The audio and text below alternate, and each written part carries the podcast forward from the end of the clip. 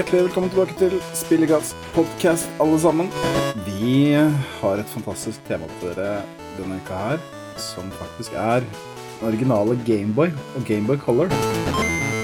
For å drøfte dette fantastiske temaet har jeg Sindre Skåre. Hallo. Jeg har Eirik Bårdsen. Igjen. Jeg har Niklas Kydland. Hallo. Og jeg er, som vanlig, Trygve Solli. Velkommen skal dere være. Takk for at du slapp oss inn at- atter gang igjen. Ja, det holdt hardt, men uh, fikk lov Jeg Fikk dere en siste sjanse nå. Vi starter rett på, og det er selvfølgelig med hva vi har spilt siden sist. Mm. Jeg har lyst til å begynne. Ja. Fordi siden sist har vi spilt Destiny 2. Ja, flere, flere av oss har faktisk gjort det. Flere av oss har spilt Destiny 2. Ja. Sindre og Nicholas, vi har jo spilt Destiny sammen. Det Mm. Vi har det. er jo helt utrolig. Eh, Jeg spilte det aleine i hvor mange år? Fem? ja. altså, altså, Lite visste du at alt var Lite leven for dette øyeblikket. Det, det holdt, uh, holdt bare å kutte det ut i et år før uh, dere andre begynte å spille. Og det det faktisk tok, var jo bare at uh, Hva for noe? PlayStation Plus, så kom nye DLC-en ut gratis. Så da tok vi alle og hev oss på det. Ja, stemmer. Eller den, den forrige. Forrige, Ja, forrige, Gratis denne måneden. Ja, jeg klarer ikke helt å holde styr på alle disse DLC-pakkene. Det, Hva mener du? Destiny har liksom en ting med navn, da. Det har liksom en sånn unik holdning til måten det navngir og, og oppklarer ting på.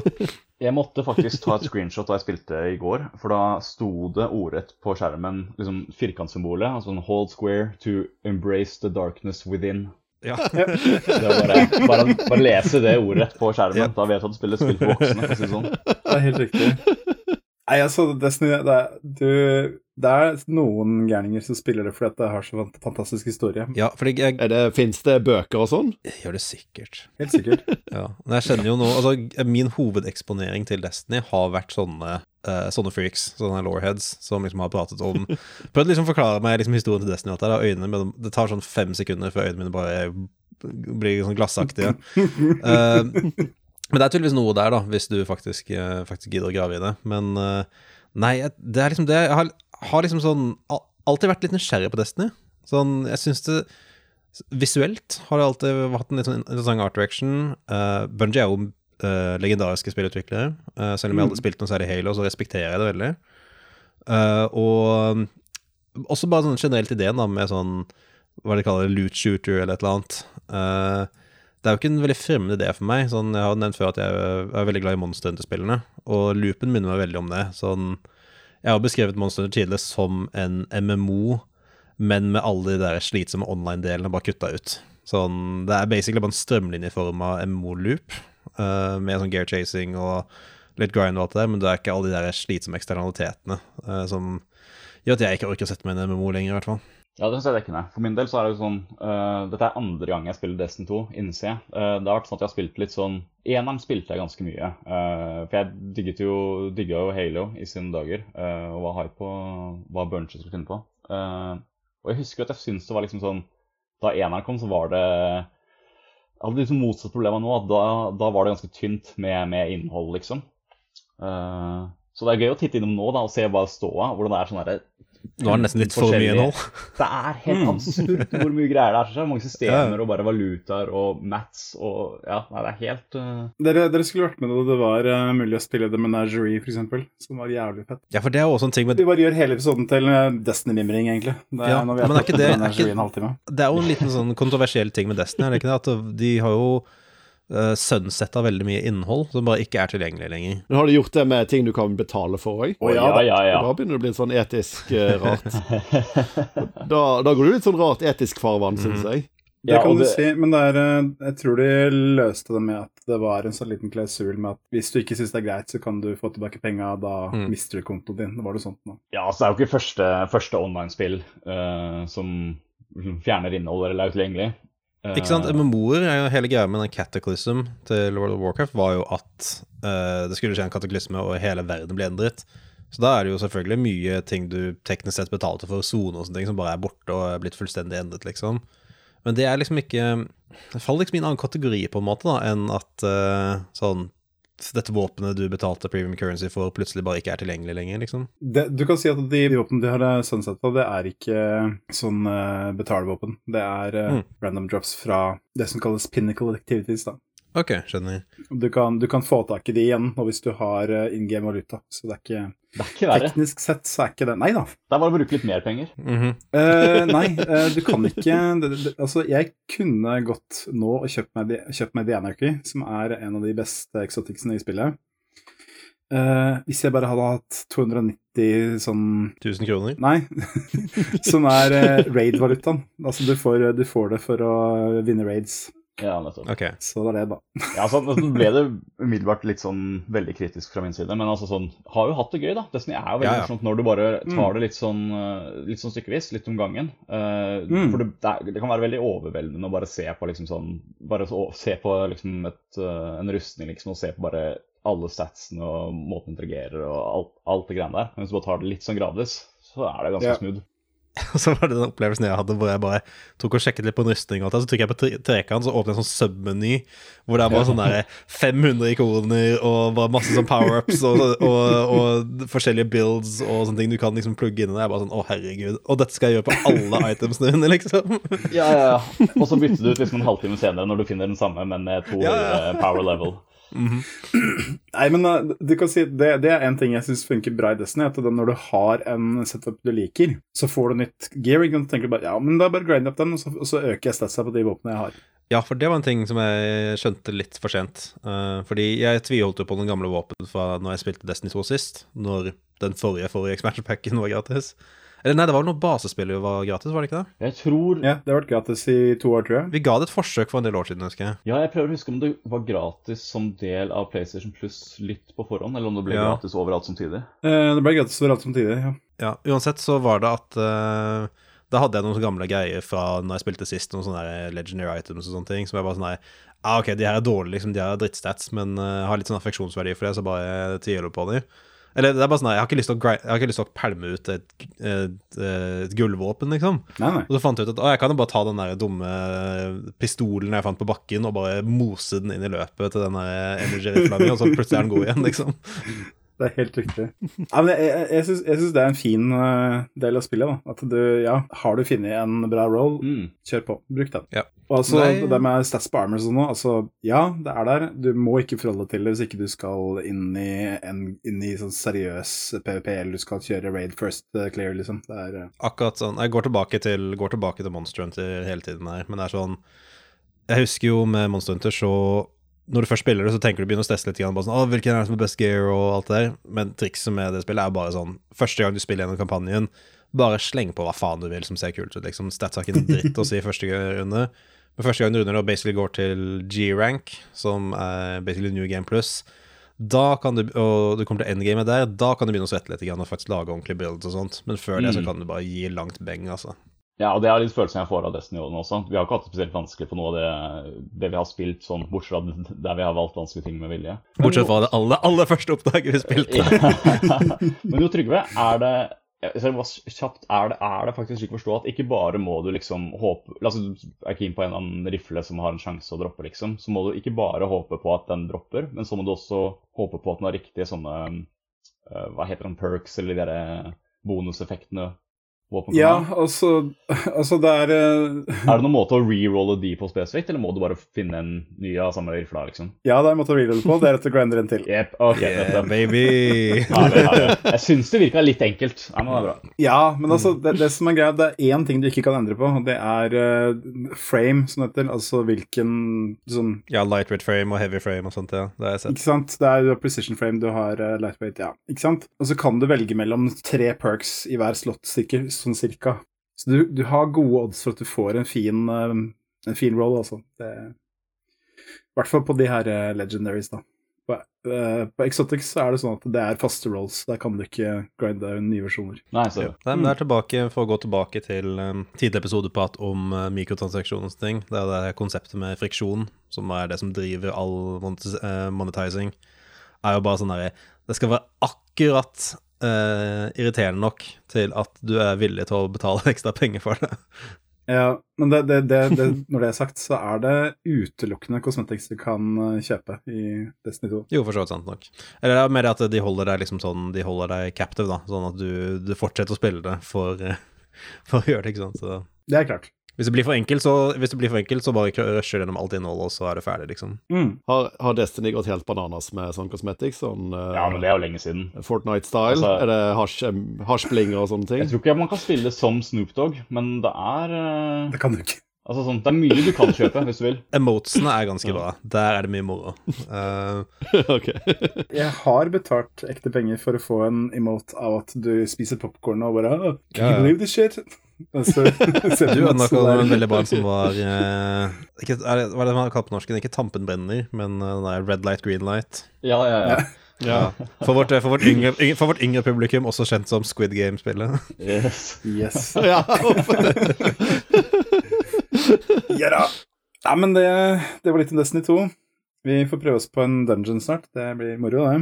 Det er den, denne Prophecy Dungeon er veldig bra. Ja, jeg fikk, jeg, når jeg leste meg litt opp på den, så fikk jeg plutselig sånn PTSD-flashback til at ja, vi prøvde oss på den for et par år siden, og da uten å gjøre noe research på forhånd. Så det ble litt sånn eh, Vi ble ikke ferdig, da. Ja, ja det, var, Nei! Det var vel da vi før vi skjønte oss på liksom skjoldsystemet og alt det der, var det ikke det? Så vi bare tok og bare dumpa Ja, og det som er litt kult med, eh, med Dungeons, da, at det er litt sånn mellomting mellom Strike, som er sånn ganske sånn straightforward tre, tre personers eh, bare sånn kort oppdrag på sånn 15-20, og så har du Raid, som er de der fire timers lange greiene med masse puzzles. Så Ja. her har du litt sånn mellomting. Så det er litt sånn ja, litt sånn ting du må løse og sånn, men eh, Ja. Eh. Det er raid mechanics, men i en litt sånn slakkere måte å gjøre det på. Dette er for så vidt en ting jeg vil si Ting jeg ville bare shoute ut, som jeg glemte å nevne i sted. Uh, at jeg vil gi kudos til Destiny for å ha veldig bra tuna sånn, tids, uh, sånn tidsscoping på oppdragene sine. Mm. Sånn, det, er, det er et veldig lett spill å bare hoppe inn i og bare gjøre bare sånn, Jeg skal jo bare ta et par oppdrag sammen. Mm. Og de er liksom sånn, de er akkurat lange nok til at det er liksom sånn Det er noe å gjøre. mm. Det føles ikke lettvint ut, men det er liksom, de er korte nok til at du kan liksom skvise innom uh, Skvise inn et par, quest, eh, par sånn strikes eller runs eller sånne ting, bare sånn mellom andre ærend og sånne ting, da. Sånn det er ikke For eksempel, da. Altså, jeg ser for meg så mye sånne ting i for eksempel MMO-er eller andre online-spill sånne ting kan fort ta lett over en time, liksom. Men her er det mer sånn Mm. jeg kan hoppe inn og ut på et kvarter, liksom. Det er ikke Det er ganske bra Eh, tuna for det, da. Mm, altså vil jeg, vil jeg bare, også bare si høyt, at jeg, bare så det er sagt, at liksom sånn, det er jo faktisk sånn kjerne-gameplay-loopen. Bare liksom løpe rundt, skyte folk, kaste granater, se på skjoldene og alt det her, liksom, er jo veldig gøy. Sånn, Mm. Det er jo mm. sånn Halo var jo liksom Det var det som var så bra med Halo også, at det, var skikkelig bare digg å spille. Uh, og det er det fortsatt. Det er akkurat det. Det er det. Det er, det er som Halo var. Jeg syns det var veldig interessant, fordi når jeg først begynte å spille det, så, var jeg, så begynte jeg liksom å bevege meg rundt og var bare sånn «Øh, Dette føles weird ut. Mm. Sånn Ting føltes så seigt ut, Ja, ja, og sånn floaty og alt det der. Og jeg, bare sånn, jeg likte ikke det i det hele tatt, for jeg tror jeg er vant til um, Jeg er vant til bare ting er mye med, med snappet, da. Sånn uh, uh, Sikkert mye fra Siege. Jeg skulle si det, Vi har jo spilt en del Siege som er veldig sånn liksom, veldig flicky, liksom. Veldig, Og sånn, veldig flicky, veldig crispy. jeg kan holde en uh, Mm. liten vinkel på en dør eller whatever. Ja. Men det, samme reaksjon hadde jo folk da Halo kom også. Uh, da var det jo litt mer Ja. sånn uh, konsoll mot PC, liksom. Uh, men da var jo det liksom, Mm. gikk det jo på det at en sånn, oi, veldig tung autoaim, og man går litt sakte, og alt er litt sånn Ikke sluggers, men bare litt sånn ja, sånn 80 hastighet. Litt seigt, ja. Mm. Alt, alt, føles som det har en, alt føles som det går på en ikke-linjær kurve, da. Sånn at det er en sånn, det er sånn smootha ut uh, måte Ja. alt beveger seg på. Og Det kan jeg love deg at det er for øvrig. jeg likte ikke det i begynnelsen, men jeg har varmet, har varmet meg veldig opp til det uh, Mm. over tid, og begynner faktisk å like det, så ja, kanskje jeg skal gi Super Mario World 2 et forsøk til uh, også. Nå skal vi roe ned. Skal ikke ta i. Yes. Nei, men øh, jeg må få lov til å jabbe, jabbe litt mer, for det er faktisk ikke bare Destiny jeg har spilt. ikke jeg heller. Så oh, oh. Jeg har også spilt uh, Metroid Prime Remastered. oh. Ja, det gleder jeg meg til å høre om. ja, Hvor remastered er det, liksom? altså Du kan si at dette er tre ganger jeg kjøper det. Jeg har, uh, har originalen på GameCube, jeg har uh, Metro Prime Trilogy til Wii, og så har jeg noen av remasteren. Det er jo Altså, det ser mye bedre ut. Du ser det at her, altså, De har selvfølgelig laga nye teksturer. De har laga nye modeller. De har kosta på sånne nye shadere. Men dørene, da. Ja, dørene. Det De er jævla dørene. Ja. null av ti pga. dørene. Nei, altså, det, det var en greie med at uh, han ene som lagde dørene for Retro, han bare Å, herregud, se på dørene, de er så dårlige. Dere hadde massacred my boy. Og så var det neste tweeten som var sånn her Bare for å presisere, kritisere ikke. Og det var en sånn liten greie. Jeg syns alt er kjempebra jobba ellers. Men ja, det var selvfølgelig den ene første som ble fokus. Men det er, det, det er genuint sånn game dev-feel, ass. Sånn, Ja, ja, det tviler jeg ikke på. For det er sånn, det, fordi du bruker så jævlig mye tid på sånne små detaljer, og så når du ser de blir borte, Ja, så bare Ja, du, du dør litt på innsiden av det. Ja, men altså Hva skal, hva skal jeg si? Altså, jeg, jeg så video av uh, MVG som mente det at eh, eh, de hadde boosta den blå, den blå lasereffekten på dørene. Altså, det er sånn det blå lyseffekt på dørene. Og det var for at de skulle, skulle være tydeligere hvis man spilte i håndholdt. Ja, ikke sant. Ja, det er jo en god mening. Men nå spurte vi veldig av om å begynne å prate om dører. Hva med resten av spillet? Det høres ut som de har gjort veldig mye mer enn en vanlig remaster, syns jeg, da. I hvert fall mer enn jeg forventet. Jeg forventet bare upscaling og du- dual stick-skyting, jeg, og så call it a day.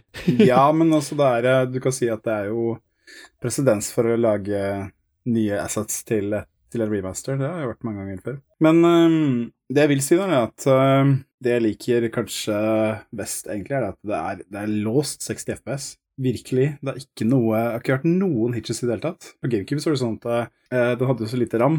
Eh, grunnen til at rommet i det spillet ikke er større, er fordi den, den laster inn ett rom som du er i, og så laster den neste når du åpner døra, og that's it. Noe mer enn det har ikke spillet i minnet. Så du kan merke at hvis du, hvis du skyter på en dør, og så går inn døra, og så går du rett ut igjen med en gang, så er det en veldig lang lastepause, for da må spillet bare Å, faen, han skulle ikke gå tilbake igjen. så Og plutselig dør en mye treigere på å åpne seg. Ja, ja, men det, det er ikke tull. Det vil du merke. Ja, jeg husker, jeg husker akkurat det. Ja, ja. Jeg husker jeg drev og lekte meg med de dørene. Nei, så, men sånne ting er jo helt borte. Det er liksom, da er det jo bare åpne døra og så rett gjennom. Det er ikke noe stress. Eh, altså, det er bare grafikken, egentlig, og så kontrollsystemet, med hvor du kan bruke full, fri tostikkerskyting. Oh.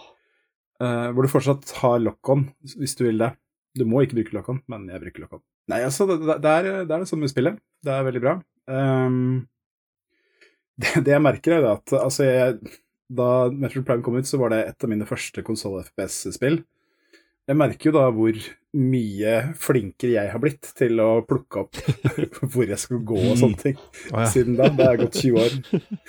Liksom, når jeg, jeg husker jo det at jeg bare jeg er så forvirra. Sånn, Herregud, hva er det som skjer? Hvor skal jeg gå? Herregud, å, må jeg gå helt dit? Å nei. Men nå ser jeg liksom altså, jeg, jeg har spesifikke minner fra at jeg klarte ikke å danne meg en sånn mental modell av det rommet jeg var i, for at jeg sleit så mye med kontrollsystemet. Du lastet, du lastet rommene i hodet ditt på samme måte som spillet, liksom. Du går inn i et rom, og så husker du det, og så glemmer du det forrige. Jeg husker jeg ble veldig forvirra av det kartet. jeg. Ja, ikke sant? Det er akkurat det. akkurat det. Nei, det er faktisk mer sånn at jeg glemte det rommet jeg var i mens jeg var i det, så enda mindre kapasitet enn GameCube. Ja, men jeg husker jeg sleit veldig med kartet. liksom finne ut, ok, hvor skal jeg? Og så, De hadde jævlig sånn kult fancy 3D-kart, husker jeg. Så kunne du zoome og snurre rundt på. Mm. Jeg husker jeg satt veldig mye og bare OK, hvor må jeg gå for å komme til dit? jeg lurer på om det hadde vært lettere nå. Jeg generelt sliter med det, altså. Det, så Metro Prime hadde sikkert uh, grunneid meg skikkelig. jeg har så dårlig spatial sense. Nå vet jo jeg mer om hvordan utviklere designer ting, for at du skal skjønne at å, jeg må gå dit. At det liksom er, Der er det et stort lys ved siden av døra. Mm. Ja, det er Ja, jeg skulle si signposting det er er, eh, selv, liksom. Det er det. Og det er liksom sånne bitte små detaljer ved siden av der du skal gå, der du skal kikke for å se, finne en hemmelighet. Ja, så har du den scan-sensoren som kan hjelpe deg hele tida. Der, eh, den markerer jo mange sånne hemmeligheter for deg, hvis du bare kikker etter dem.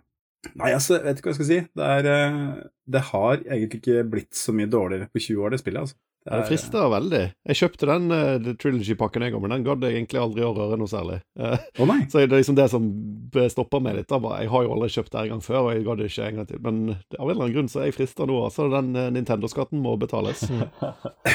ja. Altså, de, de har jo holdt på med dette her i 30 år omtrent. Det, er, altså, det kommer jo remakes av Super Mario Bros. til uh, Super Nintendo, så Er det noe jeg skal innrømme at jeg aldri har spilt Metroid Prime, eller? Ja, okay, heller. ja, det er lov, lov å innrømme det. Oh, shit. Jeg hadde, hadde aldri GameCube, og så var jeg ikke så veldig interessert i å spille gamle spill når, eh, sånn i ettertid, egentlig. Men du, du har ikke interessert i å spille som barnespill på sånn der dum Nintendo? Ja, ikke sant?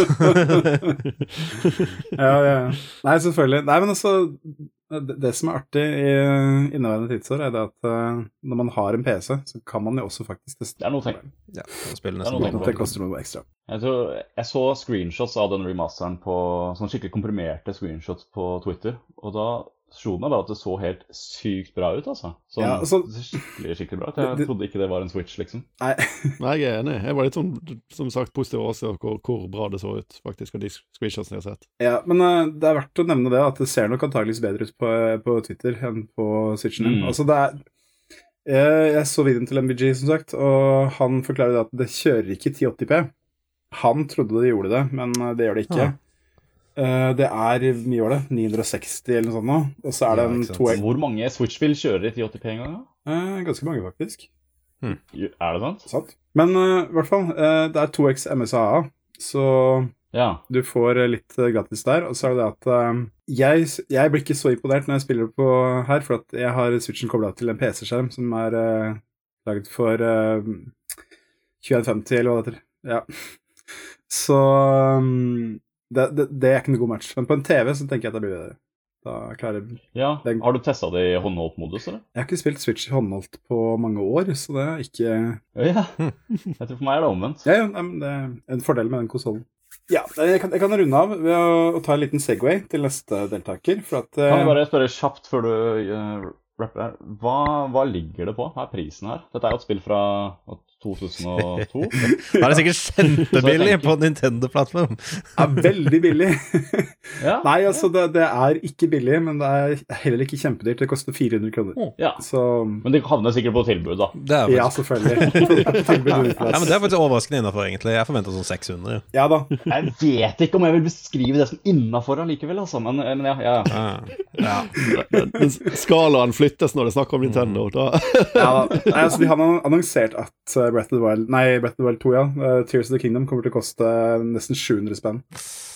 Oi. Men altså, du kan si akkurat det spillet det kan koste 3000 kroner. Jeg skal fortsatt kjøpe det. That's how they Du get må ikke si det så høyt, Trygve. Da kommer de til å gjøre det, du vet det. Ja, ja. Nei, unnskyld, det kan, eh, det kan koste 30 kroner. Jeg vil fortsatt kjøpe det. ja, men det er virkelig one weird trick til å lure folk til å kjøpe spillene til full pris. er jo bare å lage veldig gode spill. Ja, det Ja, jeg hater det, altså. Ja, jævla utspekulert det er, faen. det er, sånn, det er så skitne triks. Oh. Det er derfor jeg bare spiller dårlige spill. De, de, koster, de koster som kjent ingenting. ja. Når du raider i kveld, sier jeg bare. yes. Nei, men jeg, som sagt, jeg skal ta en Segway, og da vil jeg bare nevne skal ikke si så mye om det, men jeg vil bare nevne at jeg, basert på en viss anbefaling, måtte kjøpe meg Pizza Tower. Og det er det Oh, perfekte spillet hvis du er litt stressa, og så trenger du bare å slappe av, roe helt ned. Bare liksom pakke inn hjernen i sånn rolig sånn balsam, Det er en walking og bare slappe av. Ja. Det er Pizza Tower, og det har Sindre mer om. Ja, fordi um, Det passer jo egentlig også litt inn med dagens tema også, når vi skal prate om gamespill, Fordi Peter Tower er omtrent en direkte åndelig oppfølger til Wireland 4. Uh, og hvis dere husker Wireland 4, er basically uh, Ja, i det gamle Vario-spillet så hadde han den der, han den ikoniske manøveren sin hvor han gjør hva man kaller det, sånn der rugby-takling. Ja. Uh, og yeah. Shoulder, shoulder tackle. Ja, shoulder tackle, ja. Uh, og Vaidan 4 turte å stille spørsmålet Hva om du bare gjør det der hele faens tida, uh, og veldig fort? Så det er basically Det er nesten litt sånn Sonic, eh, Sonic the Hedgehog eh, bare med varer, hvor du bare beveger deg jævla f- fort hele tiden og må liksom hoppe over plattformer og knuse gjennom vegger og alt det der, da. Og Pizza. Tower følger akkurat samme formel. Eh, det er hva for noe Premisset er at du er eh, Pepino Spagetti, som er en, eh, en italiensk pizzakokk. Eh, hvis restaurant blir angrepet av The Pizza Tower, som bare manifesterer seg ut av intet, litt som, litt som Draculas slott i Castlevania og han må altså klatre opp uh, The Pizza Tower uh, for å bekjempe den onde pizzaen som bor der. Ganske, ganske straightforward plot, egentlig. uh, men det som virkelig er bare Altså, det spillet bare oser sjarm og energi. Altså, det er sånn Det, Mhm. det er Spastisk er virkelig det jeg vil beskrive uh, gameplayet og uh, art direction som. Ja. Litt sånn herlig cow and chicken-energi over uh, Som minner om sånn tidlig Cartoon Network, liksom Cow and Chicken, uh, Ren and Stimpy sånn, Alt er sånn Ja. super squashy og stretchy og ekstremt overdrevet. Og så ser det ut som det er tegnet i MS Paint. Det er akkurat det. Det er liksom det, akkurat det. det ser ut som det er en genial uh, cartoonist som bare har gått berserk i MS Paint. Det er så fantastisk stil. Men ikke bare stilen er god, men altså gameplay er så sykt tight. Sånn uh, Det er sånn der frame perfect plattformer-action, liksom. Sånn super snappy og responsivt. Uh, og så har du bare helt insane movement tech. Sånn, Variant 4 hadde den greia hvor du skal liksom sånn shoulder tackle i eh, 1000 km i timen og sprette rundt det der, men her har du alt mulig sånn der eh, du kan liksom walljumpe og framecancele inn i en uh, airdrop, og så kan du fortsette en charge og bygge opp mer og mer momentum, og så kan du gjøre dives og rulling og bare sånn Du kan ja, altså Det er sånn derre Det er sånn type spill hvor jeg bare gleder meg til å se det dukke opp på uh, Awesome Games Done Quick. Fordi speedrunner Mhm. kommer bare til å radebrikke det spillet her så sinnssykt. En, en kritikk jeg hadde som umiddelbart, var det at uh, Jeg liker ikke pizza, jeg. Nei, ikke sant. Det er akkurat det. Da er det perfekt, for at det er pizzaen du skal destruere. Jeg er veldig rasistisk mot italienere, så Nei, men uh, det, den kritikken jeg hadde, er at uh, det er laga GameMaker. Um, Mm. Som Altså, en av grunnene til at det er sånn frame perfect og sånne ting, er fordi at uh, der er fysikken låst til frameraten. Yep. Uh, som stort sett funker helt greit, så lenge det er bare er helt låst, og det er jo greit nok. Men uh, spillet går så fort at 60 FPS er ikke nok, Nei. føler jeg. Jeg prøvde å kjøre det i 120 FPS også, og jeg fant ut at det går bare ikke. Så Men Det- altså- uh, det er ganske smooth i 60 for det, altså. Men du er bare nødt, du er bare nødt til å aktivere den der eh, 14 år gamle ADHD-hjernen som er dypt begravd i de 30 og noe år gamle kroppene våre. Bare hiv på litt ekstra databrus, og så bare get in the zone, liksom. Ja, veldig takknemlig for at du sa 30 på nå. Dette var det eh, Trygve beskrev som avslappende. Det- Jeg vet ikke om du er godt at det var bitte litt sånn sarkasme inn i bildet der, men uh, Hvordan er vanskelighetsgraden sånn generelt? Du kan jo ikke dø, da, så du kan jo prøve så mange ganger du vil. Ja. Men uh, altså, det, går jo, det er jo om å gjøre å være kjapp. Ja. Ja, så du får, det, er, det, er sånn der, det er litt sånn Devil May Cry-style, hvor når du er ferdig med et nivå, så får du en rating. Ja, Hvis ikke det er super silence, så bare retter du Ja, ja. Crap-solen mot tinningen, liksom. Ikke sant, ikke sant. Altså det er sånn du Altså Loopen er jo basically at du går inn i et nivå, og så må du liksom plattforme deg gjennom det uh, og komme til enden av nivået, plukke opp så mange liksom sånn uh, pizza-ingredienser basically underveis som mulig. Uh, og så på et eller annet tidspunkt så er du liksom på slutten av nivået, og da er det en sånn totem eller sånn du skal knuse. Og da har du plutselig en timer hvor du må komme deg ut av nivået igjen uh, så fort som mulig. Du har sånn timer på kanskje sånn to-tre minutter. Eh, Jeg tror det varierer fra nivå til nivå. Og da er det basically sånn der, OK, du har, nå har du liksom sånn på en måte plattformet til gjennom nivået her. Nå skal, du, nå skal du huske alle de der plattformtriksene du lærte deg på veien opp, og bruke det på vei ned igjen og komme deg ut så fort som mulig. Så det er en ganske, det er en ganske sånn nice sånn symmetri da i, i gameplay der. Og så, um, ja, som sagt, det er, ratings og sånne ting, og så er det det er liksom challenge-moduser. Det er sånn Crash Bandicoot-opplegg hvor du kan gå tilbake igjen og uh, gjøre sånn time trials, og det er sånn øh, Det er sånn oppgave for at liksom sånn Å, gjør så og så ting, så får du en sånn hemmelig unlock, og så videre. Så det er masse sånne optional moduser og ekstra vanskelighetsgrader eh, på det hvis du vil virkelig utfordre deg selv. Jeg skal innrømme at du selger det ganske bra, altså. Mm. Eh, men, Ja, jeg òg ble veldig frista, faktisk. men det er sant? kult det med at du skal tilbake, for da, ikke sant? For da har du, da har du liksom lært på en måte banen, og så kan du flekse, Mm. flekse litt. Ja, så er det på typen sånn Å, den delen her husker jeg, nå vet vet jeg hva jeg skal gjøre her og her. Ikke sant? Ikke sant? Ja, ja. Er det bare på PC, eller er det på noe annet òg, dette her? Jeg tror det bare er på PC, ja. Tror det bare på Steam enn så lenge. Husker du prisen? Eh, 220 kroner. Ja, ikke sant. Akkurat innafor, som det heter. Altså, men det, kjø det kjører på potet, altså, så det er bare å Ja. Hvis det frister, så go for Jeg tror default resolution var 780 ganger 900 eller et eller annet. Så. Ja, det var noe sånt noe absurd. Nei, men det er et Det er liksom Jeg nevnte jo Anton Blast som et spill jeg gleder meg til i 2023. Og det er sånn, ja, du går eh, 20 år uten et Vareland-spill, nå kommer det to på en gang. Ja, det er nydelig. Jeg klager ikke, altså, bare det er sagt. Men jo, og så er det også sånn Det er også For så vidt, jeg glemte å nevne ting også. Eh, det er også bossfights i det. Så for, hver, Du skal jo liksom gå opp etasjene i Peter Tower. Så på slutten av de så er det bossfight, og det er veldig sånn, er veldig sånn Megamann-aktig. Altså, jeg tror, vi er, jeg tror- jeg tror vi alle skjønner hvordan et pizzatårn fungerer. Det, Ja, ja, ikke sant? da, uh, men ja, det var også sånn For det var en ting som overrasket meg litt. Grann, fordi jeg tenkte ikke på at det skulle være bossfights basert på det jeg hadde sett av trailer og sånne ting. Så når det kom, eh, kom en av de, så var jeg jo typ sånn Å, dette er jo kjempegøy. Så jeg er litt spent på å se hva slags andre overraskelsen kanskje slenger min retning etter hvert, for jeg er fremdeles bare i andre etasje nå. Så jeg kunne spilt et par timer, så Ja, jeg gleder meg veldig til å sette ordentlig i gang med det, i hvert fall. jeg regner med at de andre bossene er liksom Er det pizzaingredienser, eller er det liksom realiserende matretter? Eller, Ja, han første var, han første var en, eh, en pepper, altså en, eh, en, en paprika. Ikke sant. Eh, Så jeg regner med at liksom den neste nivå virker som det er litt sånn ostebasert, antar jeg. Så ja. Yeah, yeah! Nei, Pizza Tower der, altså. Det havner på ønskelista. Det, det gjør det, Mm. altså. Ja. Slenger den på haugen sammen med de 300 andre spillene på ønskelista. Yeah.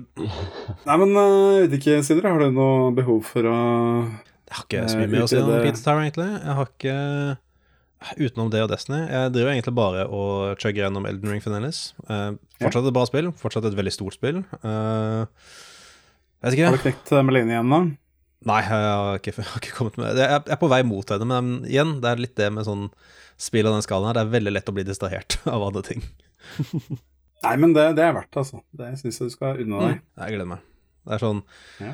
Det er litt som å klage over all iskrem jeg er nødt til å spise. Sånn, eh, jeg syns det, synes det er kjempegodt, men jeg har lyst til sånn, På et eller annet tidspunkt har jeg lyst til å spise noe annet enn bare iskrem. Ja, ja.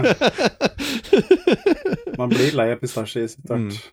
Selv om det kanskje ikke virker sånn. Jeg tror ikke det er blitt faktisk vitenskapelig bevisst. Nei, det, nei altså, jeg tar munnen full her nå, det vet jeg, men eh, Yes. Nei, men uh, skal vi Skal vi runde av med Eirik sine bevingede ord? Er du, er, er du støl?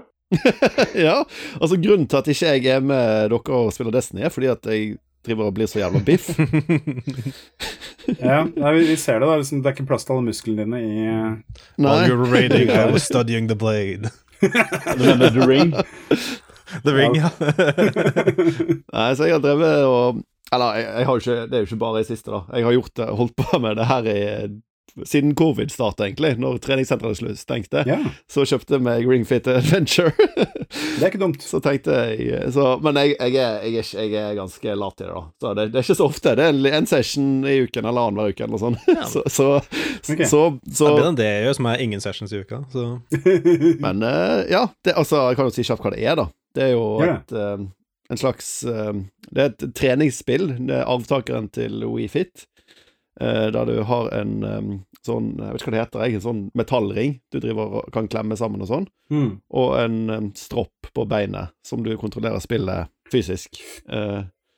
Så springer du gjennom sånne leveler og skal bruke den ringen til å støvsuge opp items og skyte ting med ved å klemme den sammen. Og så kommer det sånne Final Fantasy-aktige eh, kamper. Sånn turbaserte. Du har bossfights, har du ikke det? Jo, det har du òg, eh, imellom av og til. Og da er det om å liksom da, jo, bedre, jo bedre du skvotter, jo, jo mer skade gjør du. Ja, for jeg tror jeg har sett et klipp av det, hvor det er sånn at du skal slåss mot en boss, og så er basically måten å angripe på er å skvatte. Og sånn er Er det bare jeg som har hallusinert noe eller annet, eller bare kommer det en svær rumpe og treffer han i hodet, liksom? Ja, ja, ja, det er sånn. Vi kjører, med, så kjører på med sånne ting. Ja. Eh, Twerk uh, for det- victory. Så er det forskjellige fiender som er svak for forskjellig type eh, eh, angrep, da. Mm. Så det, det er sånn tilsvarende elemental attacks i eh, RPGs. Så er det jo så er det beinangrep og eh, Armangrep og armangrep og og- yogaangrep og sånne ting. ja. Går det an å bare bruke ræva?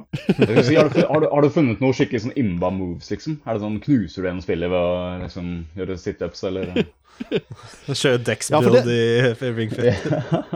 Det syns jeg er litt irriterende, fordi noen, noen av disse Du unlocker forskjellige øvelser, da, så, sånn forskjellige ting du kan bruke i kamp. Sånn forskjellig type situps og sånne ting. Men det, det, er ikke, det er ikke så balansert, for noen av de eh, funker eh, Treffer liksom alle fiendene. Som, hvis du har fem fiender på rad foran deg, så skader alle. Noen skader bare én. Og, og, men det er ikke sammenheng i at, at de som bare skader én, eh, skader mer. Det er sånn tilfeldig Mm. hvor mye de skader i forhold. Så det blir jo gjerne at du velger de som skader mest, og også clearer hele brettet samtidig. Så det er jo mange øvelser jeg bare ignorerer.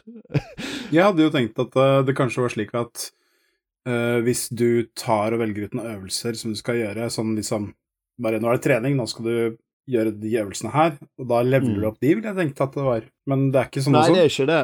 Nei, det er, ikke, Mm. det er faktisk ikke det. Det burde kanskje vært det. Men eh, det, du, har, du har et level up-system, da, som er har dere spilt, Hvis dere har spilt Final Fantasy 10, det minner meg veldig om det. Det er eh, sphere grid. Ja, du har, du har sphere grid her. Jeg, jeg spilte faktisk Blitzball på videregående. Ja, for du har, du har sphere grid, og da unlocker du etter hvert eh, oppgraderte versjoner av øvelsene og sånne ting, da, og nye øvelser og sånn. Så, på- så på den måten Men det er ikke noe sånn at jo Det er ikke sånn um, Elder Scrolls-aktig at jo mer du skotter, jo kraftigere blir skotsen din, på en måte. I hvert fall ikke dit jeg er kommet. Ja. Men Ja. hvis du trener nok, unlocker du jacked squat. Hva, hva er jacked Ja, squat? det er, det er en blitzballvits. oh, sorry. Jacked shot. Ja, det er, det er, det er super broken jævla move som bare lar deg bare eie alle, alle blitzballkampene. Det er perle, det er perle for svinet sin. Det det. er litt for lenge siden jeg spilte Final Fantasy. Jeg regner meg selv blant svina. Hvordan er det vanskelig? Når det er det sånn Elden Ring, da har det hele funnet, det var bare dritvanskelig. Bare sånn, Du kommer ikke videre før du liksom benker 100 kilo. Det er bare sånn, her er det Elden Ring Nei. Jeg syns det er greit eh, nok, jeg, altså. Men du, jeg, jeg ser jo deg på leaderboardsen der, Nicolas. Ja, vet du hva? Vi kan, uh, vi kan gjøre Har du blitt outa som en Nei, det, jeg er jo ikke det. så det uh, Samboeren min kjøpte det i fjor, og så har jeg spilt et par runder. Men jeg er sikkert med på en challenge om at vi uh, Jeg trenger jo faktisk bruke. Hvem kan Ja, skvatte? ja, let's go. Jeg har jo hatt planer om å kjøpe Ringfit i noen år, jeg òg. Det jeg husker som jeg vil påpeke som en nice edition, var det at man kunne velge liksom Det var en setting for om du hadde naboer under deg, basically. Eh, så du kunne velge om Ah, du, ja, ja, om du vil løpe liksom, på stedet hvil, eller eh, Er det knebøy du gjør? Jeg husker ikke hvordan, hva den erstatter det med. Ja, for det, det, er noen sånne, det er noen sånne litt hoppete øvelser. Og, ja, og gjennom levende, så når du, jeg sa du løper, så er det jo faktisk at du står og Mm. tråkker. Mm. Jeg bor i første etasje, så jeg har ikke prøvd den der nabovennlige versjonen. Nei, altså, jeg hater naboene mine, så jeg nei, ja. Du, du, slår, du slår på den 'jeg bor aleine på prærien'-modusen, bare for, for å være jævlig. Nå, nå begynner noen biter å falle på plass. Eh, for jeg har lurt på hva naboen i etasjen over meg driver med. Ja. ja men jeg syns til, Faktisk så vil jeg eh, skryte litt uh, i at uh, jeg syns det er et overraskende kult spill til å være treningsspill. da. Det er mye gøyere enn WeFit. WeFit gikk veldig fort over til å være en chore. Dette, dette har hendt at jeg har liksom bare gledet meg Å, jeg skal ta den jævla bossen Ja. et par ganger. At jeg ikke gruer meg for det er trening. Så de, de har laget et litt mer ut av Du bare ah, 'Jeg lurer på hvor storyen går. Ah, hva er det egentlig som kommer til å skje med han?' Ja. ja. storyen er faen meg dårlig, altså. Det, Ja. De har en story der, men det er jo sånn der eh, Ja, den, den er ikke noe vits å følge med på. Da, du ser ganske tydelig at de har uh, tenkt litt nytt rundt den der fit-greiene sine. For at uh, WeFit var veldig tydelig sånn Her skal det ikke være noe som minner om tradisjonell gaming. Mm. Det er bare forbudt. Og da har det tydeligvis gått andre veien. Det Ja. tror jeg vel kanskje er like greit. Altså, Ja, for det er, altså, det er, jo, så, det er jo ganske mange sånne eh, videospillanalogier man kan ta med trening. Det er i hvert fall ofte sånn jeg tenker litt på det. da. Eh, er jo at det er liksom sånn Det er grinded levels liksom i, i markløft videre. Ja, så altså, det at de faktisk gjør sånn ordentlig gamification da, av trening, uh, med liksom all denne stiliseringen og the bells and whistles og Nintendo polishen, er jo, er jo et veldig attraktivt konsept. de så vel kanskje hvor bra det funka med Pokémon Go, jeg vet ikke. Ja, det er jo sikkert også noe. Det kommer Ja. etter Pokémon GO, gjorde det ikke det? Jo, jo. Jo. Pokémon Go er jo 20.0 Ja, lenge etter. Ja, herregud. Ja, Pokémon GO var før Switch, til og med. Ja. Jeg lurer på Pokémon Go var 2013, eller i hvert fall på Android. tror jeg. Ja, det var det kanskje. Da jeg begynte å spille. Å, jeg skulle ha jeg vogn, ung. Da var Pokémonene fortsatt i sort-hvitt. Mm. Og rent treningsmessig så, så blir du oppriktig svett og sånn òg. Ja, altså, jeg blir sett av Beat Saber, så mm. Ja, ja, det blir faen meg Ja, jeg skulle si Hemmeligheten min er at jeg blir svett uansett hva jeg spiller, så det er ikke noe problem. Ja, det. det er sånn, du, kan- du kan si at eh, eh, Jeg tenker eh, Altså, jeg, jeg svetter jo bra når det blir varmt, ikke sant? Det er litt varm av meg, så da, om sommeren så er det litt sånn helvete å være i nærheten av meg. Og så har jeg funnet ut at det, ja, men jeg kan jo spille Beat Saper om sommeren. Det blir jo ekstra effekt. Det er sånn Det er lukta, altså. Det, Eh, det kan jeg ikke gjøre foran folk. Psst, Trygve! Trygve, vi er på lufta! jeg liker også å se for meg noen, noen, noen som kommer inn fra stua med bare sånn svetteflekker under armen som går helt ned til hoftene, liksom. Og de bare spør sånn Shit, hva er det du har spilt for noe? Uh, Stardew Valley. Nei, men altså, altså det, det, det som er ekstra bonus med VR, er at du får den derre Altså, du har jo på den, det headsetet, og den derre Du har jo den derre eh, skumgummilista Mm. rundt øynene. Oh, Det blir ganske klamt i sånne headset, ass. Fy faen. Hvis du har spilt i to timer, så har jeg den sittet og ligget og gnagd deg i ansiktskjøttet. I, Mm. Ja, så du ser ut som, du ser ut som den snømann når den kommer ut. da. Ja, du får en akkurat, også ganske deilig på ansiktet. Ja, ja. Ja. Og så ganske digg å ta på seg et sånn uh, headset rett etter noen andre har brukt Det er må å ta en svamp mot panna, liksom. Switch, det renner med. Jeg, jeg har jo jeg har hosta noen VR-parties, og um, det hadde jo uh, drevet stand for et Makerspace, uh, hvor jeg viste fram noen VR-greier. Og um, uh, Shoutout til Bitroff. Uh, og der, hadde jeg, der, der stilte jeg liksom ut VG-en og lot folk teste alt her. da Det var ikke mange timene før det head, jeg, Så jeg måtte kjøpe ekstra sånn skumputer til headsetet, så jeg kunne bare bytte det ut. og liksom legge de andre til tørk liksom og desinfisere, Yes. for det, var, det ble nasty, altså. Fy faen. Ja, ja, nok om det. ja, ja, ja. Ikke tenk for mye på det greiene du putter inn til ansiktet dagen lang, nei. Nei, det tror jeg er best. Men uh, skal vi rett og slett smelle på med temaet, kanskje? Allerede? Allerede. Da tar vi en liten pause.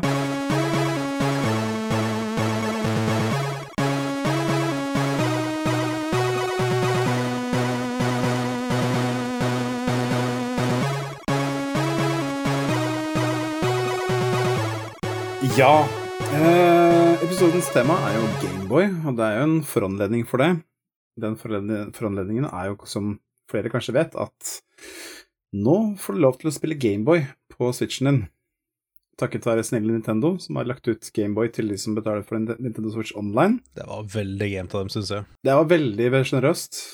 Du, du, får, ja, men du får jo ikke Gameboy Advance med mindre du betaler for den der expansion packa som koster over dobbelt så mye. Men hva er prisnivået her? Er det ikke sånn en tier i måneden? Akkurat som, Nintendo- akkurat som Nintendo 64. Ja, altså, jeg kan si at jeg, jeg, jeg har uh, punga ut for familieabonnement, jeg, da. Så betaler jeg en gang i året, og det er sånn Wow, wow, wow, se på Mr. Big Shot her, da. Oi, såpass, ja. Ja, du er den. Så hver september så er det Da er det Jeg forbrukslån. skulle si det, du fikk det gjennom banken. Ja. Ja. Nei da, men um... Luksusfellen kom på døren og bare Han her ble tatt av Nintendo-skatten. Det må Halvgøy. sies, da. Altså, Gameboy eh, Topp fem boys noensinne. ja. En av mine favorittboys. Ja. Jeg husker jo fortsatt da jeg, da jeg fikk, fikk min. Bare var sånn seks år eller fem år eller noe sånt, nå, og den der røde mursteinen. Det var jo Mhm. kongemaskin. Det var det. Hvor mange, hvor mange batterier var den brukt igjen? Innbiller meg ting, eller brukte den jævla dobbel D-batteri? Nei, nei, det var uh, dobbel A. Ja, det var dobbel A, ja, ok. Dobbel D-batteri, let's go! Ikke var- Trygve er med. Ja, nei, fuck off. ja, ja, men var det det det svære fuckerne het igjen? Yeah, buddy! Det er helt riktig. Game Gear var det jeg tenkte på. Ja, ja. Game Gear som brukte D-batteri. Lynx brukte vel eh, mye var det. Det var sånn at det kosta mer eh, Du brukte mer på batteri i løpet av en eh, måned enn det koster for konsollen. Ja, det er helt insane. I hvert fall var Gameboy. For å gå tilbake til den. Akkurat som deg, Nicholas, eh, så var eh, Eller du sa det vel ikke akkurat rett ut, men jeg kan si at Gameboy var min første konsoll noensinne. Hey. Uh, kjøpte den brukt eh, av en eller annen nisse borti hugget i bygda der jeg vokste opp. Og det er litt viktig å nevne det, faktisk. For at eh, Jeg fikk jo konsollen da, da, da fikk jeg med Tetris, jeg fikk med Adventure Island, Kid Icarus. Uh, Megaman fikk jeg. Jeg fikk med et sært spill, sånn puzzle uh, Sokoban-type spill, hvor du spilte Ah. som en tomat som skulle redde kjæresten sin, som et quirk. Det ringer en bjelle. Ja, det var faktisk helt decent. Det er ikke noe du trenger å vende tilbake til i 2023. Mm. Det var helt decent. Du tror ikke det kommer remaster eh, neste uke, liksom? Jeg tror ikke vi får uh, Quirk HD, altså med det første. Det, er ikke. det var det jeg hadde i lange tider. Jeg tror um, de eneste spillene jeg kjøpte til uh, Gameboyen så lenge jeg eide den, det var uh, Mario 1 og 2. Og da tidligere nevnte Motocross Minix. Min historie uh, om hvordan jeg da gikk glipp av det beste spillet som ble gitt ut på, på Gameboy i mange år, det var det at jeg, som sagt, bodde på bygda. Det var én butikk i hele uh, fylket, omtrent, føltes det som, som solgte Gameboy-spill. Det var en sånn eh, ræva sånn mam sånn mam and pap stereo-sjappe på et lokalt kjøpesenter. Men hvordan, hvordan, hvordan fikk du nye spill, da?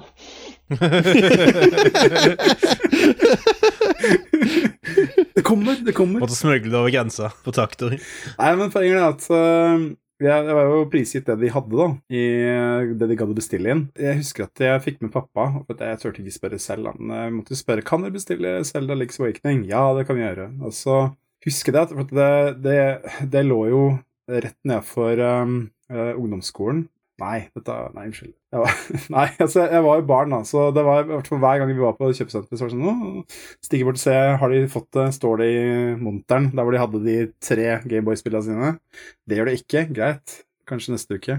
Det, det tror jeg gikk i over et halvt år. Og så spurte jeg pappa liksom, ja, har du hørt den fra butikken, eller om det spillet?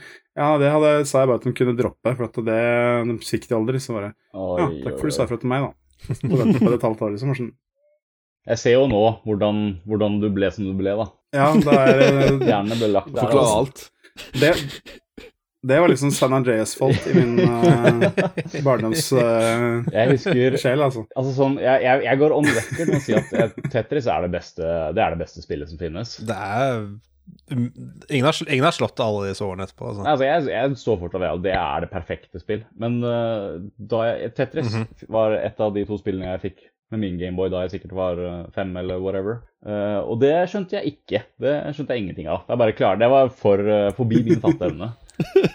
Men det er liksom som Så da ga, du, da ga du opp, og så har du bare droppa det hele siden da, ikke sant? Ikke sant? Men det, det er samme fenomen som jeg hadde med Tony Hawk, hvor jeg liksom sånn tenkte på det i ettertid, eldre, visere, mer erfaren, og så skjønte sånn her Å ja, herregud.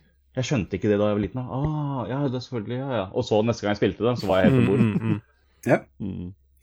Nei, men det, det gikk noen timer Tetris, det gjorde det. Det er rart med det, altså. Det er veldig rart. Det er gikk så mange at uh, da jeg senere Altså, jeg solgte den Gameboyen etter hvert, jeg- for jeg hadde ikke noe spill til den. Så um, jeg var uten Gameboy i flere år. Samme her. Kritisk, uh, kritisk å nevne er at det var de åra hvor Pokémon ble utgitt. Du var bare en boy, du. Du var bare en boy. bare boy. No games, only boy. Så, altså, jeg, så jeg klarte da å være en som likte Gameboy veldig godt, eide en Gameboy, men solgte den rett før Pokémon kom ut. så, så, og så kjøpte jeg en Gameboy Color etterpå, da. Og da hadde Pokémon på en måte vært, så det ble ikke noe Pokémon da heller, men det ble i hvert fall Zelda DX, da. Og Tetris DX. Jeg syns alltid Pokémon-spillene så så kjedelige ut, jeg, som barn. Jeg, bare, nei, bare jeg går inn i kamper. Jeg vil jo hoppe og slå folk sjøl, og så velge, velge angrep fra en meny. Hva er det for noe drittkjedelige greier? Så jeg kommer aldri inn i Pokémon. Det er jo egentlig et veldig gyldig poeng. Det er liksom, Jeg føler jo det at det, det gjelder litt for meg også. Altså det er eh, altså mitt første sånn ordentlige JRPG som jeg kjøpte og faktisk satte meg ned med, det var Golden Sun på Game Yes, of jeg skulle akkurat nevne det også. Mm. Dette er ikke en Game Boy Advance-episode. Det er Color og, Nei. og Basic. Vi har slått å snakke om Game of Advance. Hysj, hysj, hysj! Get out of here! Jeg syns, Det er en jeg syns forgjengeren eh, Golden Father var bedre. Hei. Hei! Oi, hei. Golden Dawn, er ikke det som nynazistisk organisasjon? Det er... Eh, jeg tror det. I hvert fall ikke den. Nei, det var ikke så bra. Eh, nei, men sånn eh, Pokémon var et eh, Jeg tror ikke det var det første spillet jeg spilte på, eh, på Gameboy. Men jeg, for jeg husker ja, de første sånne Jeg tror aller første Gameboy-spillet jeg spilte, på den der svære grå mursteinen, det var jo eh, det var Super Mario Bros. Gameboy uh, Game Porten Ja, av Super Mario Land. Ja. Mm. Super Mario Land var det vel, ja. Jeg klarer ikke holde de titlene um, klarer ikke å holde på titlene. Men ja, Det spilte jeg ganske mye. Uh, var ikke særlig god i det, men uh, sånn det er, tid, det er et av de tidligste spillene jeg kan, kan huske å ha spilt, var det. Og ja, Tetris, som sagt. Har du spilt det i nyere tid, eller? Jeg er nødt til å se meg, for- fordi, okay, fordi jeg nå nylig, eh, et år siden cirka, eh, fant, alle- fant jo de gamle Gameboyene mine og eh, alle spillene og, på loftet hos foreldrene mine. Oh. Så jeg har en kasse liksom full av de liggende og alt det. Så jeg har liksom sånn Ja, jeg har jo funnet frem uh, Advance-en min og det har spille med Castlevania nå, jf.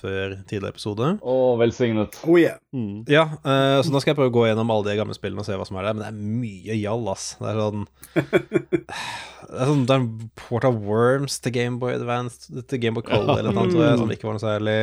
Og sånn der eh, eh, Small Soldiers og sånt. Det er, mye sånn franchise-tull. Oh, Small Soldiers! Ja, ja, har- Jeg spilte PlayStation 1-spillet. ja. sånn, jeg, jeg, ser på, jeg ser på liksom Gameboy-samlingen min, og jeg har tydeligvis klart å unngå liksom alle de store Alle liksom de store spillene, bortsett fra sånn um, Du bare gikk for drit. Mario-spillene og um, eh, Og Pokémon. Det er mye sånn derre Ja, det er mye, det er mye, det er mye snålt søppel der, altså. Altså, La det være klart en gang for alle at dette er jo hipster-spillpodkasten. Ja, ja, absolutt. Ja, ja, ja. Nei, nei, unngå all mainstream-greiene. Vi spiller ikke de store, de store, største titlene. Det hører du om andre steder. Sjekk VG hvis du leser om Pokémon. ja. Nei, men Grunnen til at jeg spør deg, Sindre, er fordi at jeg, fant, jeg, jeg spilte aldri det da. Så jeg fant ut for et par år siden at jeg skulle um, laste ned den Super Mario Land på 3DS Mm. og spille gjennom det. Eh, på toget. Tenkte ja, det tar meg sikkert en uke eller to. å Spille på toget til og fra jobb.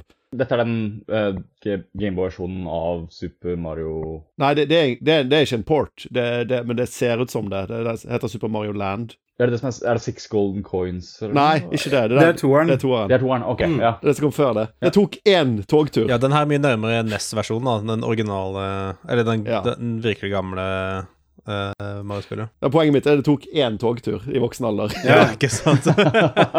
Vi sitter å spille før. Det er så jævla kort. En Mhm. halvtimes togtur tok det. Så det, jeg tror man fikk lite valuta for pengene for det der, altså. Men eh, Nei, altså, jeg kjøpte jo da jeg var liten, og altså, det tok jo Det tok noen uker men, uh, til jeg kunne runde det på et kvarter, men uh... ja. Jeg føler det er gamer, det er gamer right to passage å dø til den første gombaen, er det ikke det? Ja, Ja, ja, ja. Det, det, det jeg syns var veldig særegent, altså skal ikke si at det var bra eller kult, eller sånn, men det var det at eh, fysikken i de Mario Land-spillene er jo sånn helt sånn bananas, da. Det er liksom Men det er ikke realistisk, vet du. Han hopper jo altfor høyt. Ja. Det er ingen som hopper så høyt. Det er som, det er som, det er som er å spille isnivå, som jeg sa tidligere. Ja, ja, det er som skikkelig floaty. Alt er bare helt off. Men så blir du vant med det. Og da er det ikke noe stress. Men det er liksom I Super Mario Land 2 så føles Mario som han veier ca. 30 gram, liksom. Det er eh, Mm. Men det var ganske stor oppgradering fra eneren, det, altså. ja, enorm. Altså, Mario i Mariland 1 er sånn fire piksler eh, Ja, ja. stor, liksom. Men for noen piksler, dere. Ja, men det er sånn men det er sånn, så stiliseringen i den første syns jeg er kjempesjarmerende. Men det er Ja, det. imponerende å se på liksom eh, Mario, eh, Super Mario Land 2. Bare sånn Mm. hvor stort hopp det var, liksom. Sånne ting har så jævlig mye Ja, detaljer. det, Det er jo en ordentlig kunstform, det å gjøre liksom mye ut av lite. Ja, vi- virkelig, Det er altså. jo veldig, veldig sånn, Noe av de beste tingene er jo bare når det er ordentlig, ordentlige begrensninger, og man må bare Mm, ja. gjøre ja, det beste ut av det Jeg syns eh, Gameboy er et eh, supert eksempel på liksom, hvordan begrensninger kan skape kreativitet. Det er det. Mm. Det. Altså, det er jo en supershitty CPU i den maskina. Det er sånn, Den var eldgammel da de, da de lagde Gameboy, liksom.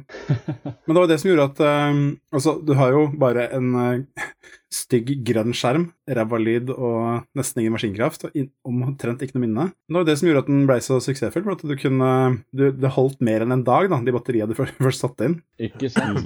Så, og så er det det at um, Apropos det å gjøre mye ut av lite, da vil jeg nevne Kid Icarus til Gameboy. Mm. Uh, jeg, har- jeg må tilstå at jeg har aldri spilt ferdig Kid Icarus på NES, uh, så jeg vet ikke helt hvordan slutten der er. Men jeg har spilt ferdig Kid Icarus på Gameboy. Det tok lang tid, det.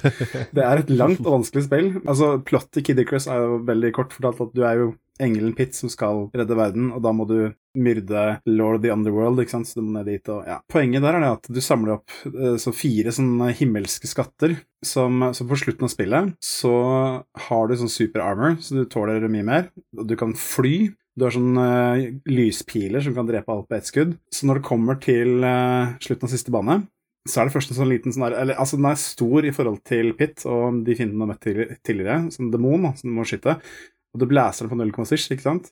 Og så begynner skjermen å riste, Nice. og så kommer det en sånn diger fot inn fra høyre. Er sånn, er sånn, den er like stor som skjermen. Og så kommer Satan inn, og han er fire skjermer høy. Det er liksom Og det er eh, Jeg holdt på å pisse på meg da jeg så det første gang, og da var jeg jo cirka, sikkert ti år gammel. da. Og, så du må liksom fly opp og ned langs den digre jævelen, og så må du skyte den i huet, da, selvfølgelig. Ja, ja, Det er liksom så klart. Ikke sant? Skyt noen piller til Vi har vel lest Bibelen og husker hvordan det funker. Det, er det, det, er det, det er det jeg alltid gjør hver gang jeg møter Satan. Bare skyter han i hodet. Nei altså, så det er det. Er det. Og så er det uh, Jeg vil også trekke fram uh, sånn som Motocross Maniacs, som egentlig ikke er et spesielt bra spill, men uh, det er et Konami-spill fra den tida hvor de faktisk hadde lage spill. Um, og det er eh, en riff på Excitebike til NES, for de som husker det. eh, hvor du da skal kjøre en sånn motocrossløp. Bare at Excitebike er sånn at du har uh, en sånn lite, liten bump, og du har et hopp. Og så har du sånn der rar sånn som ser ut som en kjøkkenbenk som du skal kjøre opp og gjennom. Mens Motocross Miniax, det er uh, Excitebike har den der isometriske filen, Mm. hvor du ser liksom skrutt ovenfra. Uh, Excitebike er rett fra sida, men så er det til gjengjeld så er det så sykt mange rare ramper og sånn. Du kan liksom kjøre loop, og du kan kjøre opp, og det er forskjellige veier gjennom banen og sånn. Og så finner du ut at når du samler visse powerups Det er sånn at du kan eh, Hvis du stunter på bestemte steder i banen, så er det hemmelige powerups. Da bare tar du en salto, ikke sant. Ja, ja. Da kan du få Et av powerupene er bare at du får en sånn liten annen motocrosser som bare svever bak deg. Du kan ha tre sånne i rad etter deg. Av en eller annen grunn, jeg vet ikke hvorfor. Men eh, den powerupen som virkelig gjør det, er at du kan eh, Du samler opp nitro, sånn at du får boost, ikke sant. Og så får du en som heter jet. Da kan du, så lenge du har nitro, så kan du booste, så kan du fly gjennom banen. Et motocross-spill hvor du kan fly, det er uh, Motocross Mini-X. Og det, det satte sine spor, altså. Det var noen sjokkerende dype spill. Kan jeg anta Ja, at det- det, er, det, er det en del av utvalget tilgjengelig på Switch uh, online, eller? Da tar du feil. Nei, Det det, var sånn fem-seks spill der. Hvilke er det? Er det noen som har, har kontroll? Skal se hva jeg husker. Det er Gargoyles Quest. Ja, Gargoyles Quest, jeg testa det litt eh, før episoden, og det har jeg ikke spilt før. Det virker òg sånn sjokkerende dypt, bare på førsteinntrykket. Ja, det Det er så er sånn- at jeg, jeg har spilt mange av oppfølgerne, så jeg er ikke helt så Jeg vet ikke helt om jeg gidder å bruke tid på nå.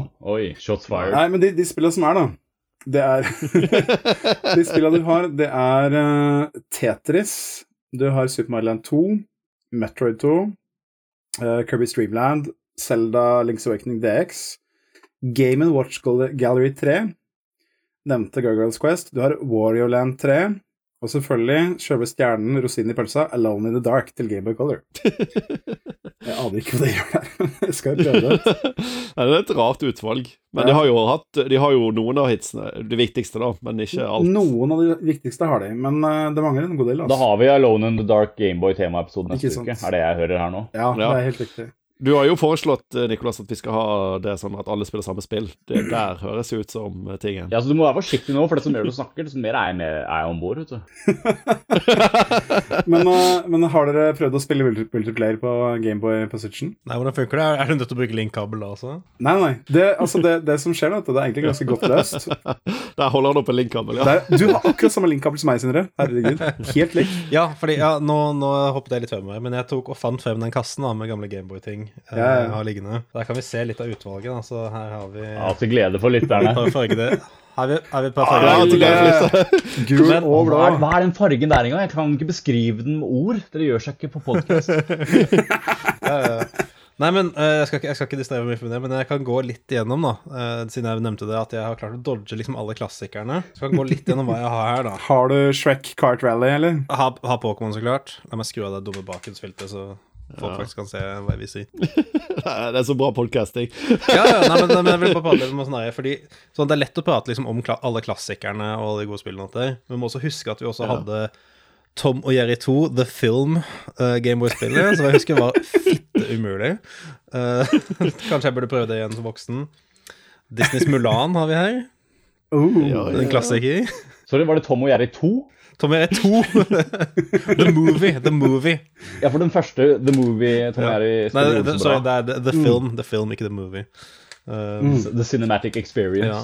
Vi Harry Potter and the Chamber of Secrets til Gameboy Game oh. Color. Oi, cancelled, cancelled. Hva med, hva med typ sånn Han i klassen som dro til Syden og kom med med sånn derre 150 Ja, ja, ja. spill på én kassett? Jeg føler, at, jeg føler at en del av det her føles nesten som uh, sånne spill som uh, kom derfra. Ja, vi har mye sånn, mye sånn Disney-tie-ins av en eller. Har Pinocchio her. Uh, har Asterix og Obelix, som jeg mener husker var ganske bra. Det skulle i hvert fall hatt banger soundtrack. Det er kurant. Eh, men Ducktales er jo Jeg tror det her er en port av uh, NES-versjonen av Ducktales, så den har jo Det er det faktisk ikke. Nei, det er ikke den, ok, men det, jeg husker det også var ganske fett. Jeg, jeg, har, jeg har det sjøl. Men uh, her har vi kronjuvelen, da. Her har vi Bamsespillet. Ah, Og OG. det står faktisk Bamse òg. Ja. Temaepisode neste uke. Alle spiller bamse. Ja. Men uh, ja, og så har jeg masse Gameboy Advance-spill her. Som her har vi, her er vi Army, Army Men Advance og Lord of the Rings og Nei, nei, forbudt, forbudt. ja. Men Ja. vi kan ikke prate om det ennå. Men her er faktisk et spill jeg har lyst til å prate om, er Mario Golf. Ja. For det var dritfett. Det spilte jeg jævla mye. Det her og Det her og eh, Det her og Tetris og Dr. Mario fikk kjørt seg, husker jeg veldig godt i barndommen. Uh, Dr. Mario var vel egentlig basically Hva det heter Poyo Poyo, er det ikke det? Ja, det er det. Ja. Men uh, det var også sånn der Ja, igjen bare en Nintendo som bare putter sin spinn på, på et, eh, et spill og liksom god polish. Og igjen, jævla, jævla fet musikk også, egentlig. Den der Fever mm. er jo en, eh, en Fever er legendarisk. Men, eh, men ja, Mario Golf var også konge. Sånn, Det er sånn sjokkerende dypt, Uh, ikke? lurer på om det er en sånn greie hvor de kjøpte opp et faktisk golfspill og bare reskannet til å være Mario. For jeg husker sånn For jeg mener, jeg husker det var sånn var det ikke, Er ikke det det som har sånn story mode, at du går rundt og sånne ting? At det ikke det er mye mer enn bare et sånn basic golfspill, eller eh, blander jeg med noe annet? Det husker jeg ikke, altså. Jeg kan, Det er Mario Golf til Gameboy Color. Det eier jeg. Det er det, ja. Ja, for jeg mener, jeg husker det var sånn Mario Golf. jeg kan, jeg kan prøve å Ja. faktasjekke her nå. Men Mario Golf til Gameboy Color er ti av ti, og det kan du sitere meg på. Det er dritbra. Nei, men det var sånn der um, Nei, men husker det var sånn, det var sånn type spill som hvor Uh, det overrasket meg hva liksom man kunne gjøre med Gameboyen. Litt sånn som du beskrev med disse Monster Sprites som var liksom fire ganger fire, eller var sånn kjempestore. Det var sånn, Kan man gjøre det her på den dingsen her, liksom? Mm. Da var det når du slår ballen, og så flyr ballen opp mot skjermen og blir sånn stor, og piksene blir større og alt det der. Det var helt sånn nei, ja. Når jeg var sånn nei, hva for noe, omkring ni år gammel eller et eller annet, bare, det var sånn mind-blowing grafikk, liksom. Bare sånn, det var sånn toget som kom ut og kunne mot meg, liksom. Skulle til å si det. Ja, Yes. Nei, altså, Mario Golf til Gameboy Color, det er uh, legendarisk bra. Mm. Uh, de prøvde å gjenskape den magien i eh, Virkeligheten med ekte golf, og det er jo ikke i nærheten av like spennende. Det er ikke noe å se på hele spillet. Det er ikke det. Men altså, det, er, altså det, det, er, det var det første Jeg tror det er det første spillet. Du kunne faktisk spille en golfkarriere, altså fantasigolf, da, selvfølgelig. Mm. Uh, Og da, altså, du, du styrer, det, det er et rollespill hvor du starter som en nobody, og så må du golfe deg opp og øke stats og spille turneringer og vinne. Og så får du golfpokalen, og så etter det så får du en invitasjon til uh, The Mario Golf Cup. Oh, ok. Oh. Og da skal du spille mot uh, Mario og Luigi, alle disse her, ikke sant? Å, herregud. Alle de største navnene innenfor Mario Golf. Det er det. Men uh, siste bossen det, det, det, det, The Tiger Woods of Mario. Ja, ja, men vet du hvem det er? Det er ikke Mario. Det er Vario. Selvfølgelig er det. Oh. Som han slår Altså, du kan si da at du hvis du Når du har maksa ut driven din, så slår du sånn eh, 400 yards, eller hvor mye det er. Jeg vet ikke hvor mye det er i normale måleenheter. Men Gameboy-skjermen er ganske liten, så det er jo ikke så Det er, det er ikke plass til så mange yards. Da. Nei. Nei, det er akkurat det. Uh, jeg tror Mario Nei, Vario tror jeg slår 600 yards. Han bare nesten dobler det du slår. Det er sånn Du, du kommer alltid til å være et, et slag bak, liksom. Så du må du må kunne alle Du må klare alle, å finne sånn shortcuts på alle banene for å kunne slå han. da. Det er uh, veldig kult. Eh, Men det, er, det er Camelot som har laga Mario Golf. Det var de som fant opp uh, Waluigi, blant annet. Å, okay. yeah, yeah, yeah. It all comes together. Yes. Men ja, den derre eh, Apropos Vario, altså sånn Holder jo oppe eh, Også et av favorittspillene mine fra Oh, yes. den tiden er Varioland. Mm. ja, det var så kult, det. Det Altså det var et kongespill. For det var sånn Fordi du, for du hadde jo den der Mario Land 2, den der The, the six, coin, six Golden Coins eller et eller annet. Um, hvor liksom Vario var siste bossen, da. Han var liksom skurken alt der. Uh, og så Er ikke det her base Er ikke det Jo, Super Mario Land 3 er liksom undertittelen til det. Mm. Så det det er liksom ja, for dette er oppfølgeren til Super Mario Land 2. Hvor eh, nå har du blitt eh, Nå har Vario blitt disgraced, uh, og nå, må, nå skal du spille som han, da, og prøve å liksom sånn Jeg vet ikke, bare get back on his feet again. Det var et kult, sånn, veldig sånn, ganske sånn chunky plattform. Du var så jævla svær, husker jeg. Ja, ja. Det syns jeg var veldig sånn uvant i plattformspill. Ja, men du var jo ung, og liten. nesten Ja, ja. ja jeg tenker sånn, du tok jo liksom opp sånn der, kanskje en tredjedel av skjermen eller et eller annet, bare karakteren din, liksom. Um, Ja, altså, så Vario er eh, dobbelt så bred som Mario er, så bare det har mye å si.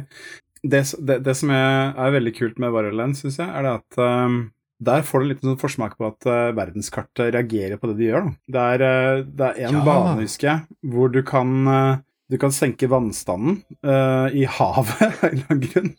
Og så Veldig logisk. Da da er førstebrett helt annerledes. Ja, så er det en sånn vulkan og sånne ting eh, du kan fyre av og så videre, er det ikke det? Det er i treeren. Ja, ok. Ja, og da kommer det naturligvis sanksjoner fra de nærliggende nasjonene. Ja, ja. Ja, ja. Du, vet jo åssen Vario er. Han er veldig, bryr seg veldig om det. Kan sende opp en spionballong over Mushroom Kingdom. Jeg hører at ikke de har noe fri presse jeg, i Varuland. Mm. At alt er statsstyrt. Det er helt riktig.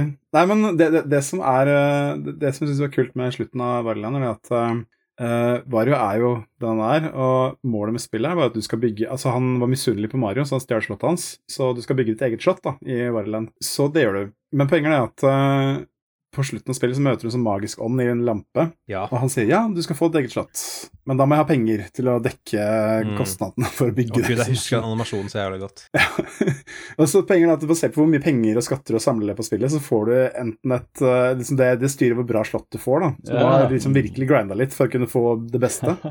Så du, du kan liksom ende opp med at du har spilt den hele spillet og slite deg til beinet, ikke sant, og så får du sånn der kjip sånn trehytte, liksom. Ja, jeg husker det. Jeg fikk alltid den ræva trehytta. Ja, ja.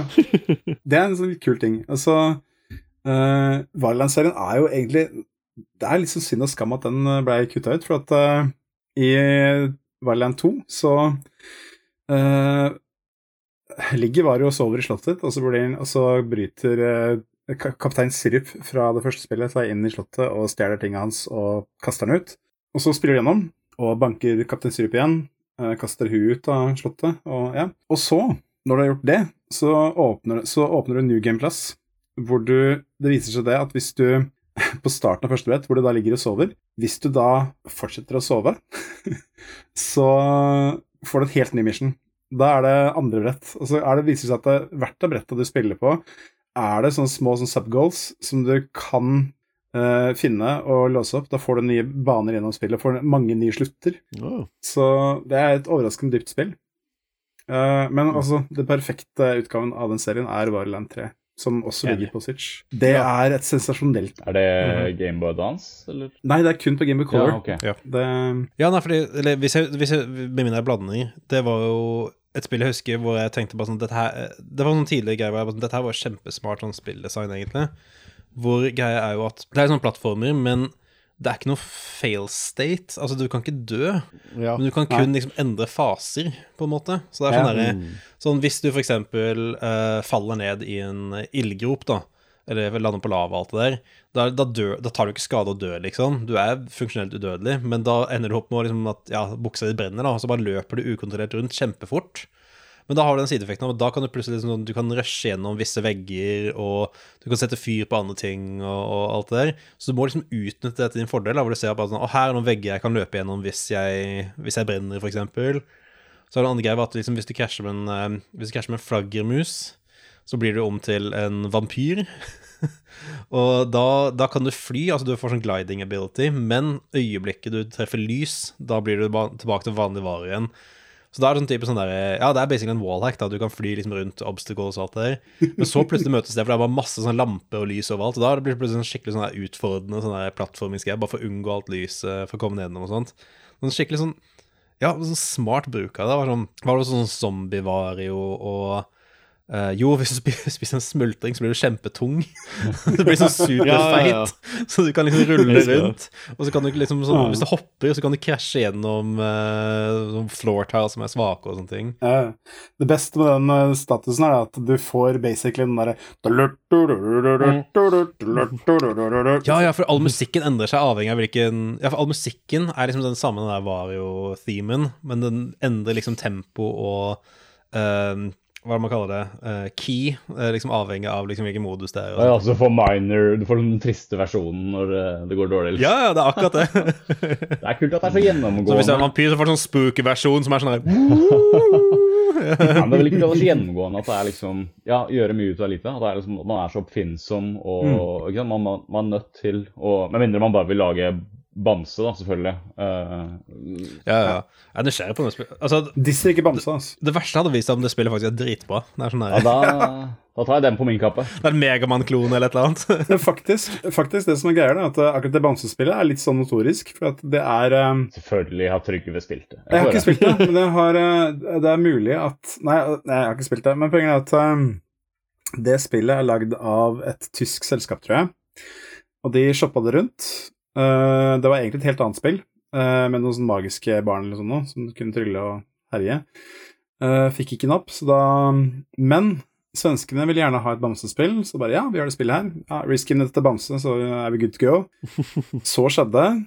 Og så seinere var det noen tyskere som sa at ja, Bien Maya, den vil vi gjerne ha et spill til. Ja, vi har det spillet her. Ja, Risken til Maya, så er vi good to go. Så skjedde det. Og så var det én lisens til jeg ikke husker. Så det spillet har blitt gitt ut flere ganger med forskjellige skins. Ja, for jeg ser nærmere på etiketten her nå, så i stedet for honning, så står det Dunderhonnung. Uh, Ja, ja. Så det, det er definitivt en tysk etikett. Studio heter forstått Laserbeam, som har en veldig Ja, ja, ja. sånn 80-tallslogo. Nei, men har vi noen flere kla jeg, har, jeg, er klar, jeg er klar for å droppe en litt heavy klassiker til Gameboy Color, hvis dere er klare for det. Ja, eller jeg, jeg har forstått én ting mens vi fremdeles er på klassisk Gameboy. Um, Ja. to ting, for så vidt. Vi har pratet mye om å gjøre mye ut av lite. Uten nysgjerrighet så slo jeg opp hva er hardware-specsene til, eh, til. Gameboyen. Og så Først av alt, vi kan prate om oppløsningen. Det er 160 ganger 114, eh, 144 pixels. 144 piksler. Mer enn nok til å rendre alt som beveger seg. Ikke 1440P, men 144P. men den CPU-en er uh, Det er, det er en jalla versjon av en 8080 på, på whopping 4,9 megahertz. Så det er sånn Oi, oi, oi. oi. Good shit, good shit. Jeg er temmelig sikker på at det er, Ja. sikker på at det er sykkellykter som har mer prosesseringskraft i seg enn det der. liksom. Det er helt riktig. Men jo, det jeg skulle nevne, var, eh, var jo et veldig snålt forsøk fra Nintendo sin side. eh, var jo godeste Gameboy Camera. Ja. Ja, ja, vi kan ikke skippe Game of Ja, Camera. det var faen Åh, jeg hadde så lyst på Gameboy Camera. Ja. Det, jeg husker jeg sikla så hardt på det. Det var så kul greie, det. Mm. det, var, det, det var oppriktig fett, men sånn, det var ikke så mye å gjøre med det, annet enn å ta bilder. Men det er jo et fransk kamera, liksom. Selvfølgelig er det det. Men de hadde mye sånne innebygde sånn spill og sånt, hvor det var sånn du skulle liksom ta bilde av ansiktet ditt. Eh, Det er nesten litt sånn Drawful-aktig, altså for de som har spilt det. Hvor det er sånn type sånn, ok, Ta et bilde av ansiktet i neutral eh, posisjon, ta et bilde av ansiktet ditt når du er sint, et bilde av ansiktet ditt som gjør så og så. Og så blir liksom ansiktet eh, Så spiller du basically en sånn Hva det heter en, Er det R-type det heter? Det der klassiske romspillet hvor du skal liksom fly oppover ja. en vertikal skjerm. Eh, og så er det liksom Siste bossen er selvfølgelig Uh, ansiktet til de forskjellige utviklerne. Ja, ja. Som liksom har tatt bilde av seg selv og liksom lagt inn alt der. Men siste bossen er selvfølgelig ansiktet ditt. Du er siste bossen. Hvem skulle trodd? Hold firkant for 'embrace the darkness within', sier jeg bare. Ja, virkelig. The Darkness bacons. Men ja. Og så kunne du printe. Du fikk med print Nei, Yes. Vi Det hadde, måtte du kjøpe i tillegg. jeg hadde aldri printeren, men det var, det var en sånn thermal printer som basically er det de bruker på Um, Kassaapparater. kassaapparater, liksom. Det, det vet jeg, for at jeg har en Gameboy Printer. Jeg bruker en kassaapparatrulle. Såpass, Ja, ja. for det funker, Ja, det. For, det funker. for, en, for, for en ting jeg har hørt, var at de, bruk, de brukte en sånn her litt sånn tynnere grad av papir eller et eller annet. Uh, eller tykkere, var det kanskje. Sånn at hvis du prøver, tykker, å bruke, ja. ja, så hvis du prøver å bruke kassaapparatrullen på, så kan du risikere å sette fyr på den. Eh, altså, det er termisk papir. Det, du skal uh, gå inn for det, tror jeg. Jeg tror ikke det er eh, så mye juice i den printeren. hans. Det kan hende jeg hørte fra amerikanere som har sånn super low grade av super, ekstremt shitty thermal paper. så- kamera. Det kan hende. Men den der maskinen der, den var jo faen meg kongen av peripherals, da. Ja, ja, Fy faen så mye weirdness du kunne koble til den greien der, med Worm wormlights og forstørrelsesglass, og du kunne virkelig lage en til Frankenstein, og sånne ekstra batteri og sånn der grip. Ja, Wormlights, ja, herregud, det er jo den derre Ja, for det er den derre forstørrelsesglasset du putter på toppen, ikke sant, med sånn lampe på. Ja, den lille lampa som stikker ut sånn Ja, det, det var bare en liten sånn lyktestolpe som var Ja, det var det, ja, ja. Som en snurret rundt som telefonen. Altså, og for de, for de yngre lytterne så høres det kanskje ganske teit ut, men på den tiden så hadde man ikke ennå oppfunnet skjermlys. Så det var ikke noen som visste hvordan ting så ut. Liksom. Det var lamper mot alle Det er jo ikonisk uh, Gameboy-feel, er å sitte i baksetet eh, i bilen til foreldrene dine, og når du kommer inn i tunnel, og bare prøve å som sånn s- pause spillet og avpausespillet når liksom de der eh, billysene kom, de, de veilysene kommer forbi, så du kan se hva som skjer på skjermen, liksom. Og Frameraten matcher eh, trafikklys. Ja, ja. Yes. Mm. Ja, ja. ah, det er en eh, Det er en eh, Det er en eh, Jeg husker ikke hva navnet hans er akkurat nå. Men det er en dude på, som har laget eh, sånn blender eh, Altså til blender 3D-programmet. Har han laget sånne filtre som emulerer sånne gamle skjermer. Eh, og han jobber nå på en som er for å emulere gamle Gameboy-skjermer. Så han har laget masse sånne søte animasjoner nå av uh, Han har tatt sånn Pico 8-spill og sånne ting, og rendrer de på det filteret i en sånn der fake Gameboy med, med akkurat den der liksom Du kjører, eh, kjører inn bil på natten, og så kommer lysene liksom sånn susende forbi. Ut, med og uten backlight, Ah, selvfølgelig. Ah, Ja, ja, ja. Marmo, tror jeg han heter. Mr. Mr. Marmo. Eh, ja, Marmotarius heter han. Han har en Itchio-side hvor han selger disse greiene her. Dritkule greier. Verdt å, Mm. verdt, å se du, verdt å se på hvis du er litt interessert i den skiten der. Jeg nevnte at jeg har lyst til å trekke frem en uh, Stone Cold Classic til Gameboy Color. Ja. Uh, jeg sjekka ut, bare sånn uh, for nysgjerrighetens skyld, så sjekka jeg ut hvor mange Gameboy-spill uh, det kom ut, og hvor mange Gameboy Color-eksklusive spill det kom ut. Ok, la oss gjette. La oss gjette. Jeg gjett. Åtte. Ja, Jeg, jeg, jeg er mer optimistisk. Jeg tenker eh, 60, sier jeg. Gameboy Color-spill. Jeg er på 15, jeg. 15, jeg tror ikke det var så ok. mange som var, Game Gameboy Color eksklusive. som var faktisk eksklusive. Jeg er i ferd med å drite meg ut. Få høre. Det var, veldig, det var veldig mange som var sånn vanlige Gameboy-spill, som hadde på en måte en Gameboy Color-versjon, eh, som basically var at De var det mange av. Jeg regner det som egne spill, jeg. figuren er rød og bakgrunnen er blå. Ja, det er helt egen opplevelse. Uh... Ja, nei, det, faktisk så er det 144 eksklusive Gameboy Color-spill. Wow. Hey. Egg on my, egg on my face, altså. Fy faen. Da burde vi hatt eh, separat episode likevel, da. Nei. Ja. Faen, du lurte meg. Nei, tidligere. Burde ikke.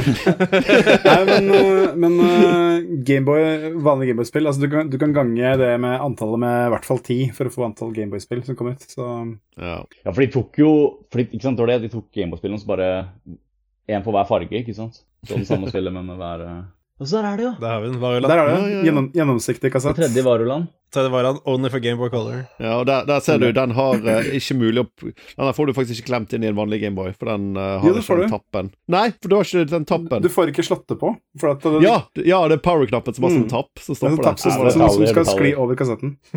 Så det er, uh, hvis du er god med Dremel, så kanskje, men Ja, da, da funker det. Også slå et slag for bare, bare den, den stilen med gjennomsiktige konsoller. Altså. Mm. Jeg er veldig Mm. glad det fortsatt eksisterer en Oh, det er en Tribal SP! Selvfølgelig. Ja, ja. Tribal-ute. Ja, Selvfølgelig. sorry, for, for lytterne hjemme, jeg har selvfølgelig tribal-versjonen av Gameboy SP. Det har jeg òg. Det har jeg òg. Den ligger i skuffen der borte. Oi, vet du hva jeg har? Jeg, har? Jeg, har, jeg er 90% sikker på at jeg har Nicolas sitt gamle Super Mario Land 2. Oh, word. Holy shit. Jeg tror jeg kjøpte det av deg, Nicolas, for 20 år siden eller sånn, på Spillegal. Det jeg vet helt sikkert du bedre enn meg. Da var jeg fire. Det, Ja, det jeg husker der Jeg husker det var at eh, jeg, du sa er det noen som vil ha det gamle raske her, sa du, og så sa jeg jeg vil ha det kjempe, jeg, kjempegjerne, jeg, kan jeg få det så? så og så kom Eirik eller en eller annen som bare ja, jeg tar det. Ja, da får du det, da. Så det var liksom bare for å være mot meg. Sånn. Ja, det var nok det. Ja, Gammel internettramme. Nei, men eh, jeg husker det så godt, for det var liksom sånn der, ja, det var dick move, men uh, jeg, jeg, Oh, nå, lufte, nå, luftes, nå luftes det mye skittent her. Altså, God damn. oh, shit. Imponerende at du faktisk husker denne dealen her. jeg husker akkurat det. Det var, jeg. Men uh, jeg fikk kjøpt uh, Super Alien 2 litt senere, så det. Ja, Det er bra. Trøster meg at jeg ikke husker noe av det. Så, Ja, Det er det eneste originale Gameboy-spillet jeg har fått. Nei, men øh, hvis vi går litt uh, Jeg tenkte på uh, Hvis vi går litt over til uh, Gable Collar Juggernauts så Ja, du har prøvd lenge nå. Jeg har det. Kom inn på det Det er to, uh, to serier som utmerka seg på Game of Color det med det eksklusive spillet. Da snakker jeg selvfølgelig om Lucky Luke. Jeg tror jeg hadde det. Eller en venn av meg hadde det. Jeg må bare få fram det at jeg eier Lucky Luke til Game of Color. Det er et drittspill uten like. Ja, jeg tror to kompiser som jeg hadde det, skjønner du. Og det var sånn derre Det var sånn type spill jeg tenkte, hvor jeg var sånn var sånn, jeg var usikker på om er jeg bare dum, eller er det her spillet jeg Det er ikke du som er dum, Sindre, jeg kan love deg det. Det er ja. fantastisk idiotisk drittspill som ingen vil spille. Men uh... Nei, men det, det tenker Jeg sitter jo her, jeg sitter jo her med Army Men Advanced 3DO, så jeg vet ikke hva det var her. Ja, nei, det, jeg, tror ikke, jeg, tror det, jeg, tror ikke jeg tror ikke du kan klandres for det. Men øh, Nei, men det jeg kan si, da, at øh, et spill jeg har kost meg med mye på Game Boy Color øh, Et av de få Game Boy Color-eksklusive spillene jeg eier, det er øh, Metal Gear Solid. Til Gameboy Color, ja. Oh yes. Det er Ja, ja, ja. Men, men sorry, Metal Gear Solid, ikke Metal, Nei, Metal Metal Gear? Gear Solid. Altså ikke en port av the What? Jeg kan, jeg kan forklare. altså Grunnen til dette Metal Gear Solid er for, selvfølgelig fordi at de skulle uh, cashe inn på at Metal Gear Solid til PlayStation var jævlig populært. Men det er ikke en port av Metal Gear Solid. Det er, uh, Egentlig så er det et, en sånn side story som ikke er kanon, som er laga av et annet team i Konami. Ja. Som uh, i Japan heter det Metal Gear Ghost Babel. Uh, Ja, Ja. jeg skulle, yes, stemmer.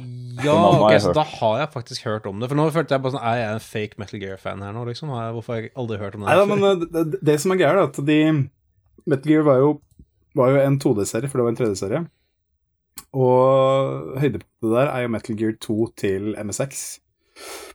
Og Metal Gear Solid til Game Boy Color Ja. det legger seg veldig tett opp til det spillet. Det ser veldig ut som det, ja. Det ser faktisk, Honda jævlig, MSX. det ser faktisk jævlig nice ut. det å se på screenshots nå.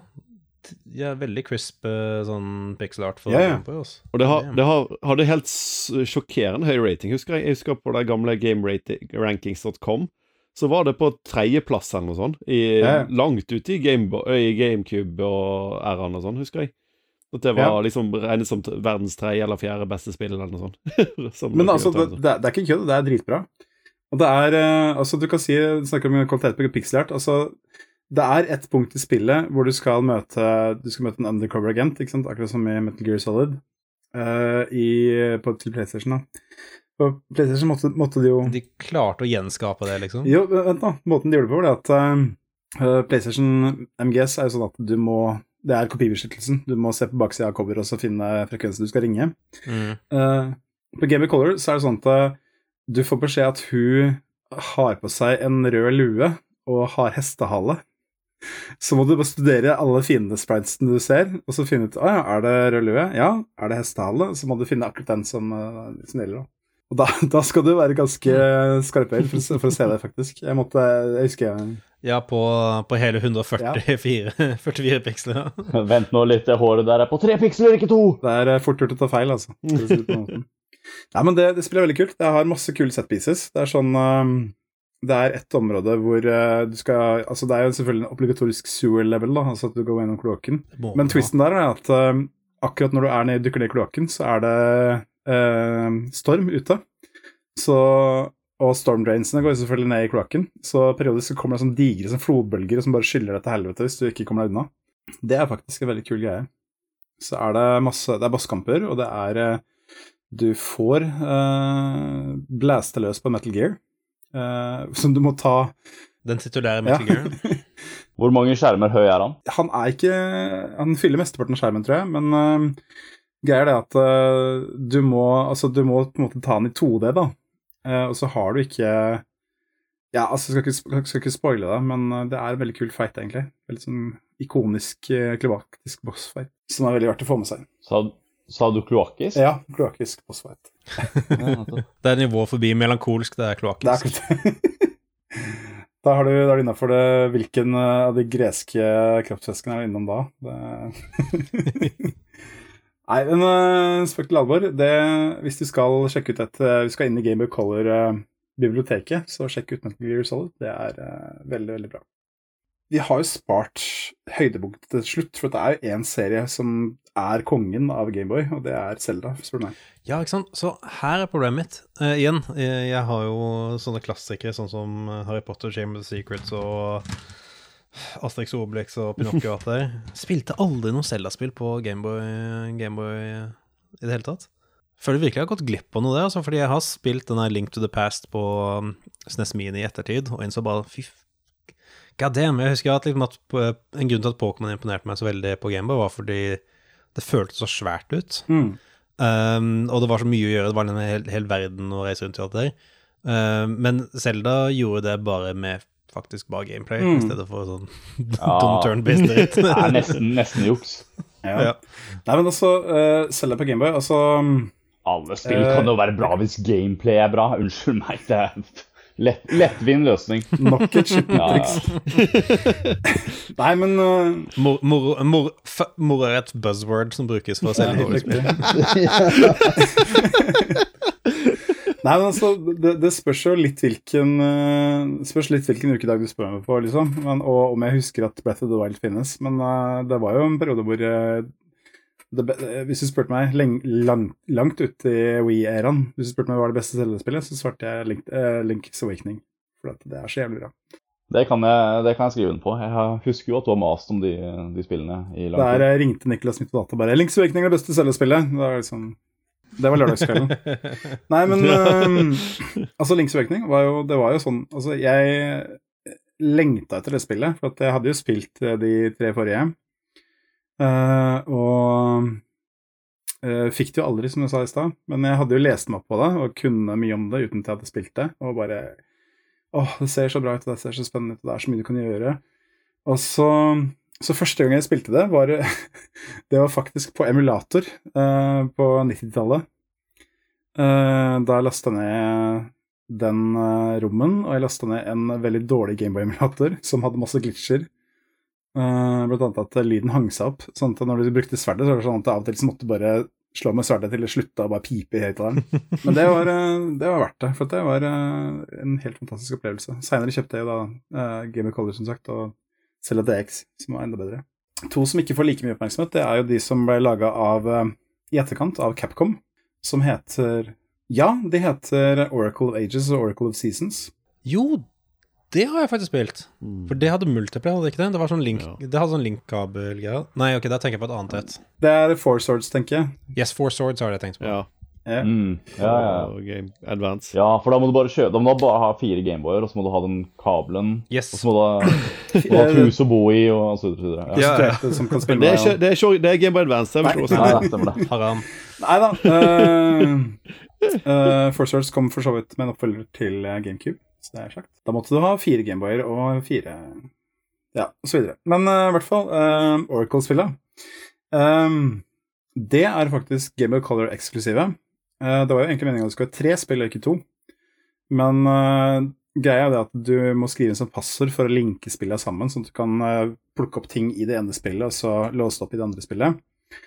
Og når du skulle kjøre det i tre forskjellige spill, så fant du at det går bare ikke. Vi klarer ikke å få det til, så du måtte bare kutte den spillet. Ja, var det serverkapasiteten liksom? Ble for mye trafikk. Ak akkurat det. Det var eh, De kunne ikke de, Det ble regninga til Cloudflare ble, ble for høy. Ja, ikke sant. Det var før Amazon virkelig hadde etablert seg. Ja, ja. Mm. Det er akkurat det. Nei, så uh, det jeg kan si da om, om de spillerne, er at uh, sånn uh, etablerte visdom er vel at Oracle Wages er det bedre i spillet. Jeg er helt motsatt. Jeg syns Seasons er mye bedre. Det er fordi det er så mye mer koselig. For at det er Det var Seasons jeg Ja. spilte. Det er eh, Rett og slett så er det Altså, begge spill er veldig like. De har, altså Det er forskjellige omgivelser og sånn nå, det er forskjellige bosser og sånne ting, forskjellige dungeons, men det er det at eh, begge har det konseptet at du får en sånn magisk dingseboms, og så kan du bytte mellom forskjellige områder. Mm. I Ages så er det at du eh, hopper mellom fortid og nåtid, da. Eller eh, ja, fortid og framtid, eller jeg husker ikke. Uh, seasons er det at du selvfølgelig bytter mellom årstider, da. Uh, så Mm. Det er bare det at uh, i seasons så kan du uh, tusle rundt i skogen, så kan du bytte til høst og se liksom da alle trærne har brune blader, og det ligger blader på bakken og Jeg tror jeg kanskje kan ha spilt det også, men jeg tror ikke jeg eide det. Dette høres ut som noe er sikker på at du ikke bare har gått i skogen, da? Ja, ja. Lett å blande. Gått ut og tatt på, tatt på litt gress og bare Å, dette er jo akkurat som Zelda. det, det jeg kan si, er at uh, Oracle-spillene er altså Det er ikke dårlige Zelda-spill, det er bare at de er heller ikke spesielt uh, eksepsjonelle, akkurat. Det er uh, Capcom gjorde det sånn at de uh, siden, det var, siden det er Game of Color-spill, så kunne de bruke mer greier, og da valgte de å gjøre det slik at hver dungeon kunne ha rom som var større enn én skjerm. Så at det scroller litt når du går rundt omkring. Hmm. Um, jeg syns de burde droppa det, for at uh, det gjør bare at du får bare mange store tomme rom som ikke er noe spennende i. Ja, Men det ser bra ut på boligannonsen, da. Ja, akkurat det. Stort BRA. Ja. Ja, for, de, fi- ja, for fiendene kunne vel ikke være offscreen, ikke sant? Så Eh, jo, det kunne de faktisk. Okay. Det var mer minne på en Game of Color, så da gjorde de det sånn. ja, kanskje så måtte, var det bare mindre dens, rett og slett. Ja, Alle fiendene er rett offscreen, har det kjempegøy og fester. Koser seg masse ja. uten det.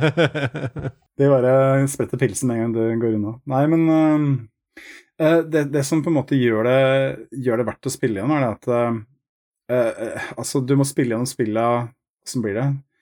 Du må begynne på det ene spillet, spille gjennom det, så spille det andre med en link-kode du får i det første spillet, og da får du på en måte en Hæ? Jeg er allerede forvirret. Ja, ikke sant? Poenget er at da, da får du en siste boss som er spesiell for den playthroughen, og så må du ta den koden du får fra det, den playthroughen, og begynne på det andre spillet oh, ja, første gang, og så spille ja! en rekkefølge. Å ja, ja, ja, ja. Da først får du siste bossen, som er ekte siste boss. Er det derfor Det at er, Link um, Cable er han fanget inni her? Et sted? Ja, for det er hun du må redde. Rop hvis du kan høre meg, Link! Nei, så, så det, Dere skjønner greia med at det blir litt sånn convoluted. At det blir litt mye greier å passe på. Det er, eh, det er jo et problem det spillet går i. da, at eh, det, det skal liksom henge sammen, og så har de liksom ikke helt fått det til. Og så ble det noen kjipe workarounds, og så ja. Mm. Men uh, det er en kul idé der, og det er litt synd at de ikke har prøvd på noe sånn tilsvarende på noe annet. Altså, det er jo det er standard at alle Pokémon-spill har to utgaver, men det er liksom, da er det bare det at da får du forskjellige Pokémon. Det er ikke noe mer. Nei, Det hadde vært kult om Nintendo turte å prøve å lage et Zelda-spill igjen. Jeg tror det kunne blitt bra. Ikke sant? Det var veldig gøy. men De lanserte to versjoner av hva det heter, Age of Calamity. Uh... Ja. bare, men ikke annonserte noen. De gjør, de gjør samme grep som de gjorde med, eh, med Clue-filmen, Ja. hvor eh, hver kino fikk en, uh, fikk en forskjellig slutt. Yes! Og det er en ref. Kjenner, du, kjenner du til det, Torgeir? Nei, nei, jeg har ikke hørt om. Nei, ok, ok, fordi Clue-filmen uh, var sånn at de spilte inn sånn fem forskjellige versjoner av den. Og så sendte de de rundt til forskjellige kinoer på måfå, så alle kinoer fikk liksom forskjellige slutter. Når folk skulle sette ned og ja, så folk, så folk skulle liksom sette seg ned og prate om bare sånn, ja, 'Hvordan likte du Clue-filmen?' Ja, jeg syns det var litt sånn spesielt at det var butleren som gjorde det, for det føltes litt sånn opplagt ut. Og bare sånn, Det var jo ikke butleren, det var jo, det var jo, det var jo huspiken.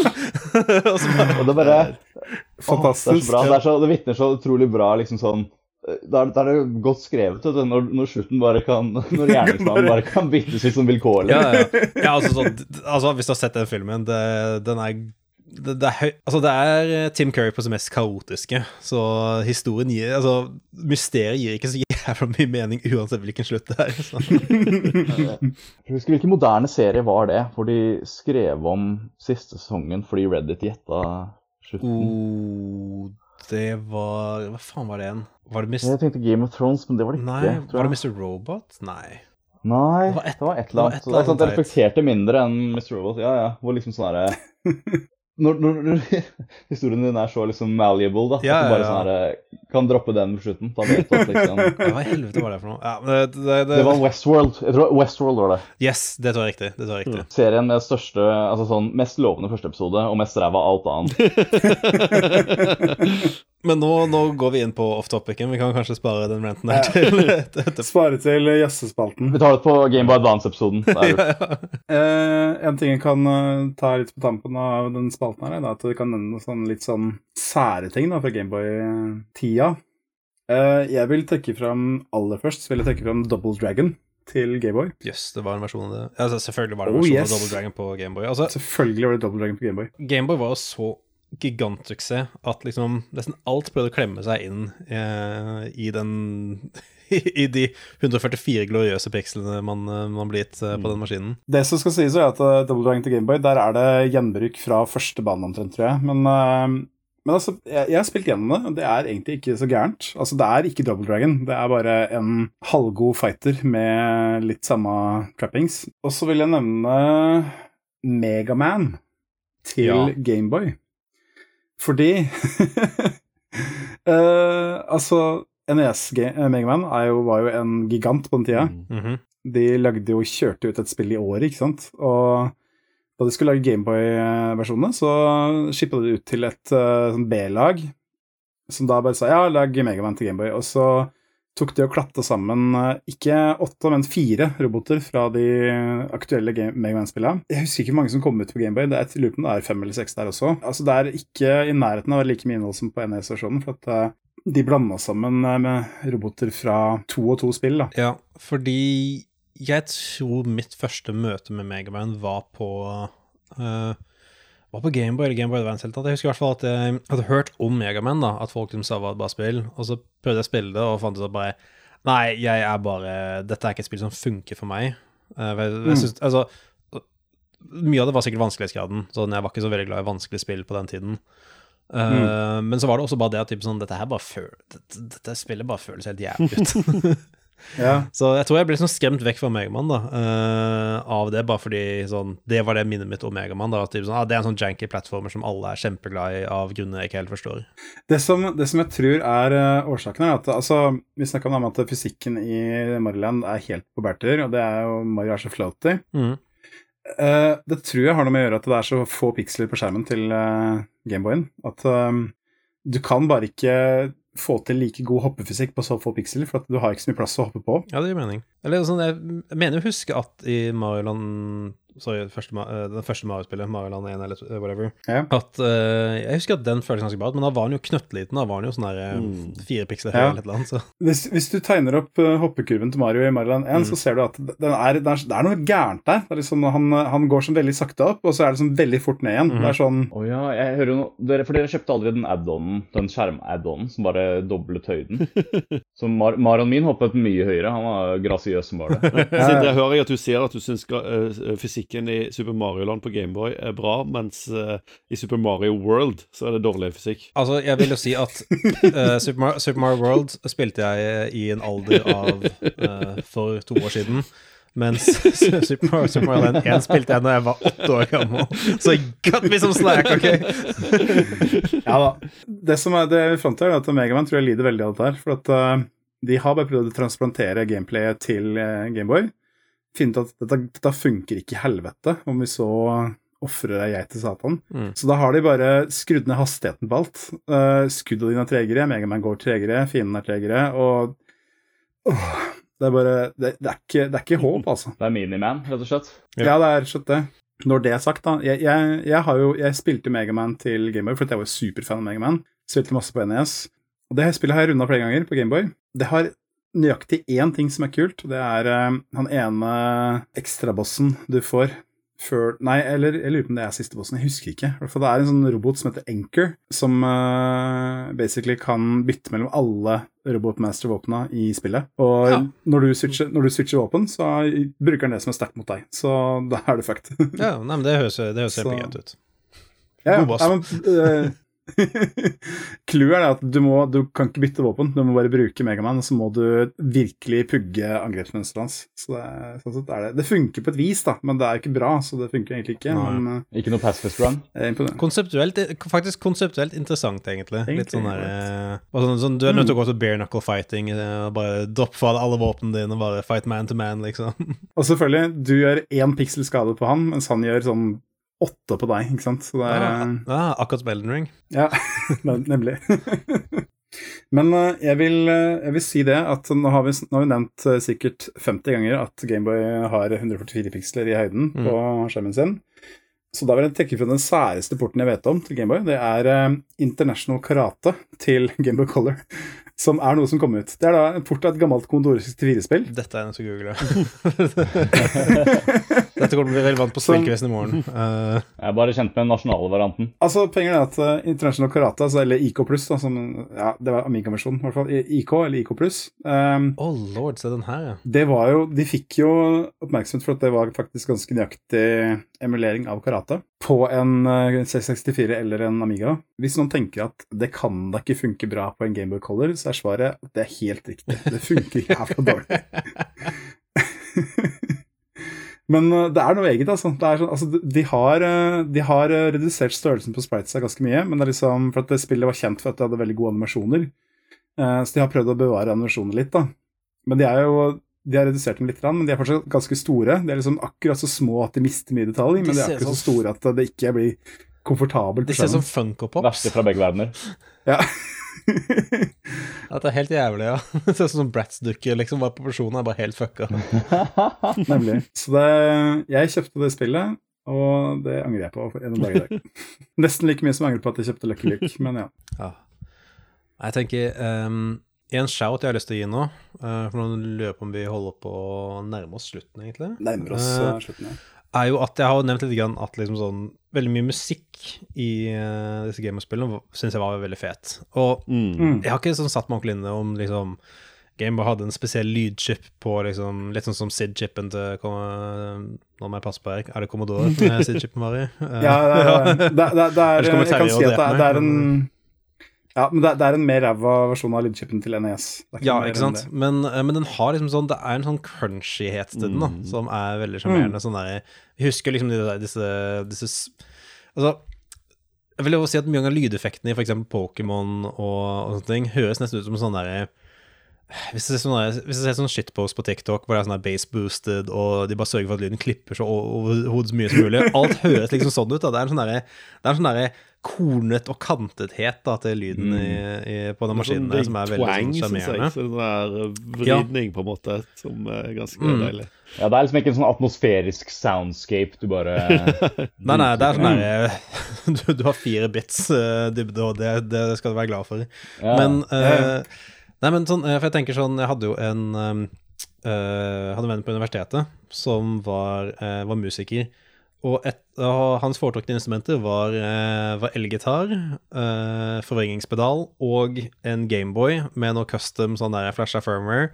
Som ga han en egen sånn sequencer. Så han satt og liksom sånn plugga inn musikk liksom på Gameboyen sin og putta, putta det inn i en AUX-kabel og bare satt, hadde de den derre hadde sånn skrikende sånn der pling-pong-lyder mens han sto og spilte elgitar og skrek inni det. Sånn der, og sånn der, ja, chiptunes-emo. Jeg skulle si, Vi husker, vi husker jo alle Ja. da Crystal Castles oppfant chiptunes med sitt første album. Ja, ja, ja. Ja. ja men det er, det er, liksom, det er liksom sånn Du får sånn god sånn Crystal Castles sånn der eh, crunchiness ut av det. Um, uh, men i hvert fall Ja. sånn der det, det, Men han tok pe- pekte meg i retning av at det er en svær scene for å modde Gameboy, sånn selv den dag i dag. Og veldig mye av det er liksom relatert rundt liksom musikk og lydchip og alt der, da. Og Det som er, det er ironisk også, med tanke på at det ikke er musikk, med mindre det spilles på et uh, ekte instrument. Ja, Jeg tenker jeg tar med meg alle holdningene fra slutten av 90-tallet sammen med Gameboyen. så- ikke sant? Selvfølgelig. En perfekt tidskapsel. Ja. Yes. Men uh, nei, for meg så tenkte jeg litt sånn Jeg har jo jeg har en Gameboy-kamera liggende. Lyst til å prøve å finne ut om det er en sånn modda versjon som lar meg faktisk sånn, ta bilder og overføre dem på en USB-pinnene. Det må jo være et eller annet. eh. Har, har lyst til å begynne å ta sånne super dithered jævla uh, landskapsbilder og sånt. Men eh, for å gå videre på musikkgreia uh, Det er en sånn eh, Hva den heter den? Eh, det er en YouTuber som heter Look Mom No Computer, eh, som driver et synthesizer-museum borti England et eller annet sted. Han er veldig snål type. Bygger mye, sånne, mye analoge synthesizere og samler på sånn superobskur hardware og alt det der. da. Så han bygde en eh, Han bygde en synthesizer ut av 64 Gameboyer. uh, som bare fungerte som oscillator Han basically bare hadde en vegg av Gameboyer som han wire opp til hverandre, og brukte liksom lydchipen deres som eh, oscillator eller noe. Jeg er ikke så god på liksom, terminologien rundt her, da. Men han har basically en sånn gigantisk sånn Gameboy synthesizer og alt det der. Uh, uh, hvor han liksom spiller musikk på alt det der, og det høres helt fucking sinnssykt ut. Det må jeg sjekke ut. hvor høyt det er Mario titt, på altså. 64 skjermer. Ja, ja. ja men, det var, jeg, tror, men jeg husker at det var en av tingene han testet, var at han spilte sånne her klassiske lydeffekter, men hva om jeg kjører igjen gjennom 64 Gameboy samtidig, og overlay det samtidig? Og det er sånn der eh, sprenge høyttaleren-type greier, liksom. Ja, ja, ja.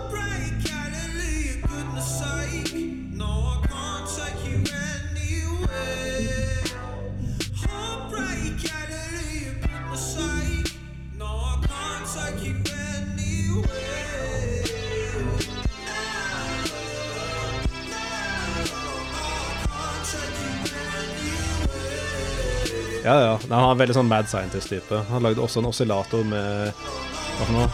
100 000 oscillatorenheter. Så da tenk deg liksom THX-introlyden.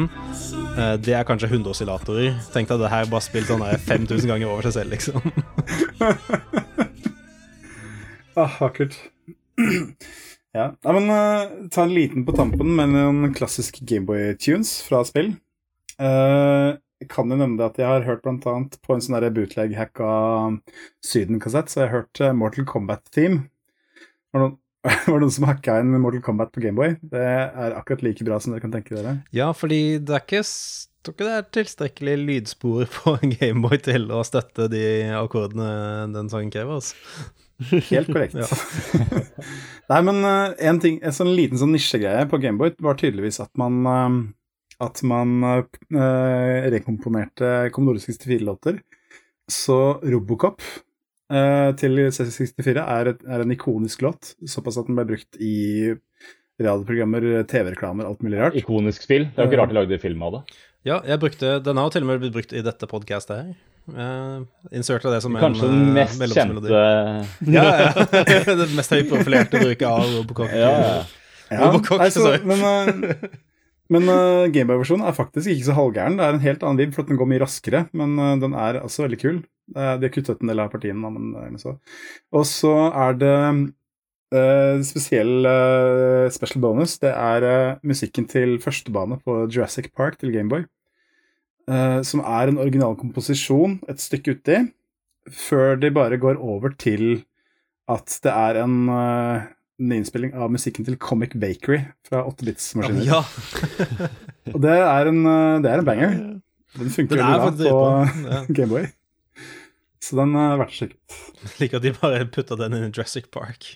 Jeg aner ikke hvorfor, det, men det skjedde. Sånn er det.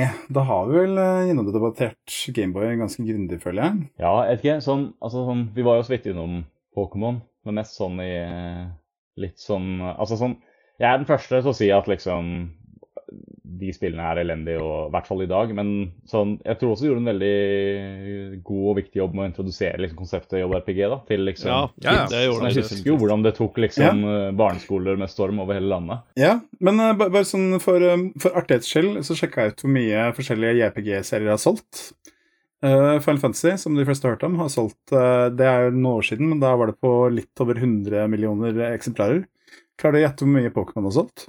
Sånn 500 millioner eller noe. Ja, det er ikke langt unna. Det var 380 millioner sist jeg sjekka. Så det er eh, betraktelig mye mer enn Final Fantasy, så man tenker at det er Men de jukser jo, da, for de kommer jo med to, eh, to Du må jo kjøpe to spill hver gang det kommer nye. Ja, det er sant, det. Ja, det er sant.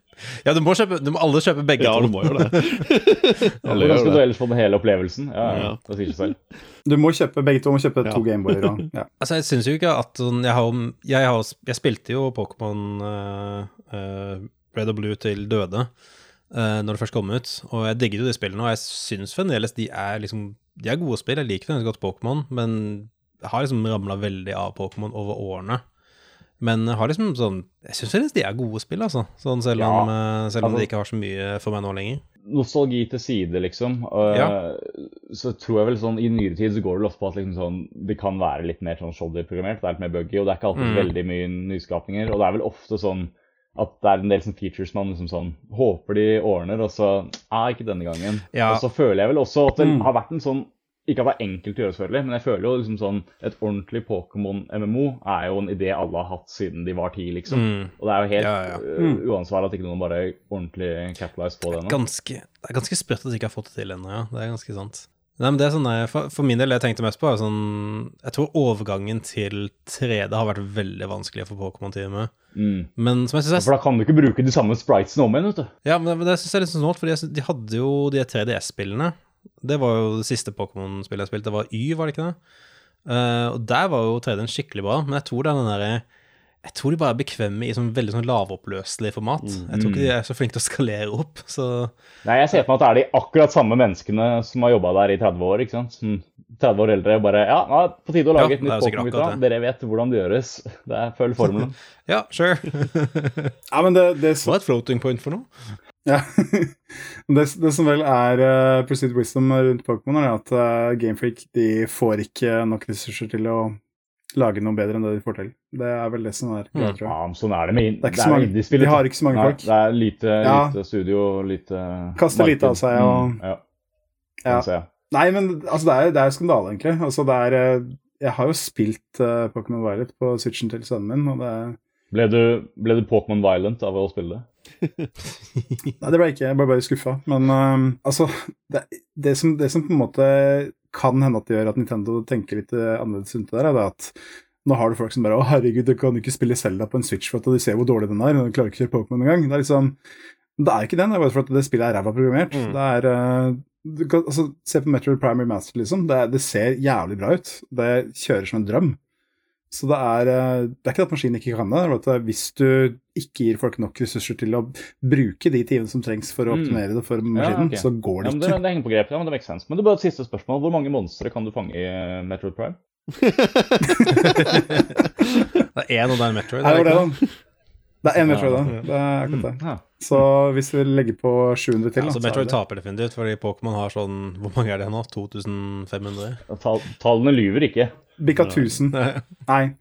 Bikka 1000 med, med Violet og Scarlett. Mm. Så er det sagt. Altså den gangen, så når vi, når vi har kåring for mest monstre, så vinner definitivt Pokémon. Ja. Ja, det gjør du nok. Vil tro det. Vil tro Mm. det. Yes. Nei, men øh, det var øh, vel blåst, gutta. Skal vi ta en liten øh, eller er det Du hadde en liten øh, jazzings, Sindre. Ja, en mild liten jazzings. Jeg sitter mellom to temaer, men eh, for tidens skyld så tar jeg den som egentlig enklest å gå gjennom. Um, jeg har fått en veldig forkjærlighet for uh, sånne store isbitformer. Sånn Dere kan sikkert finne de her på sånne derre uh, gimmick-shop og alt det, men sånn, sånn siliko silikonformer for isbiter som lager sånne isbiter som er sånn ti ganger ti Eller ti eh, Ti, det er for mye. Eh, Fem kubikkcentimeter, da. Er en Ja. jævlig god investering, fordi ehm, Ja, Erik, du er jo en mann av uh, Da kan du bygge deg en liten ja, ja, iglo. nei, du, du, kan jo, du kan faktisk gjøre det hvis du vil, men uh, det krever litt tålmodighet. Men eh, Erik, du er jo en mann av vitenskap. Du kan jo sikkert Altså, du skjønner sikkert det, det, ideen med overflatevolum og Ja. nedkjøling og alt det der. Fordi en ting som irriterer meg grønn, er folk som kjøper sånne Ja. whiskysteiner.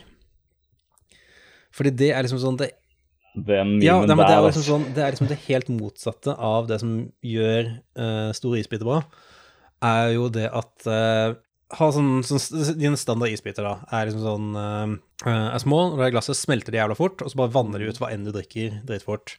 Men en svær big chunk med is har stort overflateområde, så den klarer å overføre veldig mye, veldig mye kulde, eh, skråstrek varme om gangen, Uh, men, men smelter liksom ikke til samme grad. Uh, så det er mye mer effektiv nedkjøling. Whiskysteiner derimot er djevelen selv, for de gjør det helt motsatte. Fordi de har bitte litt overflateområde og ingen varmeoverføringsevne i det hele tatt. Så det eneste du ender opp med en jævla whiskystein, er å kjøle ned drinken din med kanskje en halv grad, og så risikerer du å knuse fortennene dine når du drikker, eh, når du liksom sånn heller glasset inn og får en kube med granitt rett i Ja, fortenna. for jeg må innrømme, jeg, til- jeg til tross for uh, vitenskapsmannstempelet jeg har tenkt at whiskysteiner virker som en litt sånn god idé pga. det der nedvanningsaspektet. da, At du slipper at det vanner ut drinken. Ja, ja. Men eh, ja. Men, eh, men med en overdimensjonert eh, isbit, så får du, eh, får du best, of eh, best of both worlds. Du får liksom sånn, du får mye høyere nedskjæringspotensial fordi bare massen er mye større. Eh, ja, uh, det er mye mer effektiv bruk av uh, overflateområdet. Og hvis du vil være skikkelig pro, så kjøper de kjøper Ja, de det er- iskuler. Det er jo sånn Ja, ja, ja. Men da er du try hard. Da er du, da er du, compet da er du competitive uh, kalddrinker. Så Jeg holder meg til grus, jeg. Ja, ellers takk. du svetter ikke Ja. når du blir så nedkjølt. Det jo også sånne triks med liksom at hvis du koker vannet først, og sånn, så får du mye klarere is. og sånn Hvis du vil gå helt sånn bar perv. Jeg har prøvd det. jeg har Det ikke funka prøvd det ikke, selv, altså. Det gikk jævla, det gikk jævla Men jeg følte det var en Det var virkelig en periode på sånn to år hvor whiskysteiner var liksom sånn Jeg følte det ble sånn tungt markedsført mot usikre menn. Oh, yes. yes, ah, Maskulinitet knyttes til å drikke spriten ren og kald. Det som liksom. inspirerte denne renten, her, var at jeg så, altså det er noen i borettslaget som bare legger fra seg sånn De har basically sånn finn.no uh, gir bort gratis marked i lobbyen til borettslaget mitt. Så de legger igjen så jævla, Ja, legger igjen greit. så jævla mye weird dritt i gangen. Eh, og da så jeg et sett med whiskysteiner som hadde inngravert oh. hodeskaller på seg. Uh, så var det det som inspirerte denne ransen her nå. ja. Det var sikkert fordi han hadde kjøpt seg whiskyhodeskaller. da. Jeg ja, det er sant. Må matche settet for å sette bonus, ikke sant. Herlig. Yes. Ja, men Det var ukens anbefaling fra Sindre. Nice. Ja. Ta de whiskystandene stapp den i ræva. Ja. Nei, jeg ser her at uh, Olsson har tilbud på former med til store isbiter. That's right. Løp og kjøp. 60 kroner hvis du kjøper innen én dag. Ja. Så Må du løp bare og kjøp. Det var ikke noe valg. Ja, Dere som hører på podkasten, dere får dette tipset her to uker for seint, men greit nok. Nei, det tar ikke så lang tid å rigge. Da kom igjen. Nei da, det, det var rolig. Det er Hvis jeg hadde redigert, så hadde det tatt uh, to egentlig mest en måneder. av, uh, Dette er ikke en anbefaling, det er mest så mye som en avbefaling vekk fra, vekk fra Ja. fordi jeg ser fremdeles folk bruker det. Fuck it, bare bruk en Mm. Bare én stor isbit i stedet. Du, du kommer til å bli mye gladere av det i livet ditt. Det er kloke ord fra en klok mann. Yes. Eirik, du har uh, vært på konsert. Nei, jeg, altså, jeg går ut ifra at alle våre lyttere er sånn inneslutta kjipe menn uh, med mye aggresjon.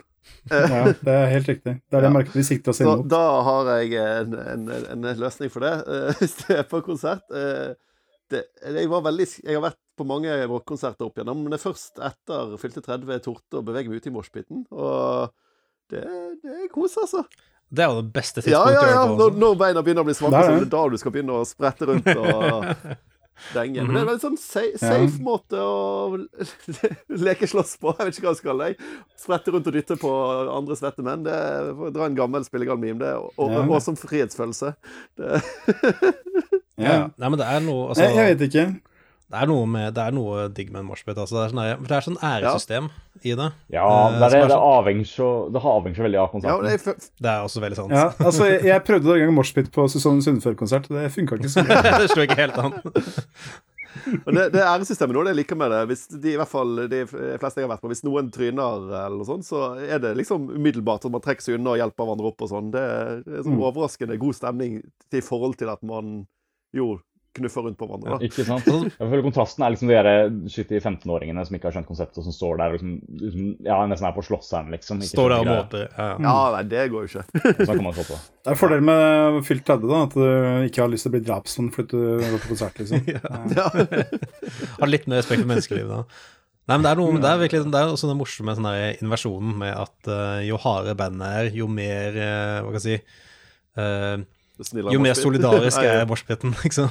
Ja, det gjør det. det. Ja, men det er, det er litt sånn. Altså, det er jo de som hører på litt sånn hard eh, metall, altså de jeg kjenner som har vært borti, som hører på det, det er sånn egentlig ganske rolige folk. Ja, altså hvis du tryner, hvis du tryner på en svartmetallkonsert, så blir du plukket opp og får en flaske vann og et håndkle over skulderen og en klapp på ryggen, liksom.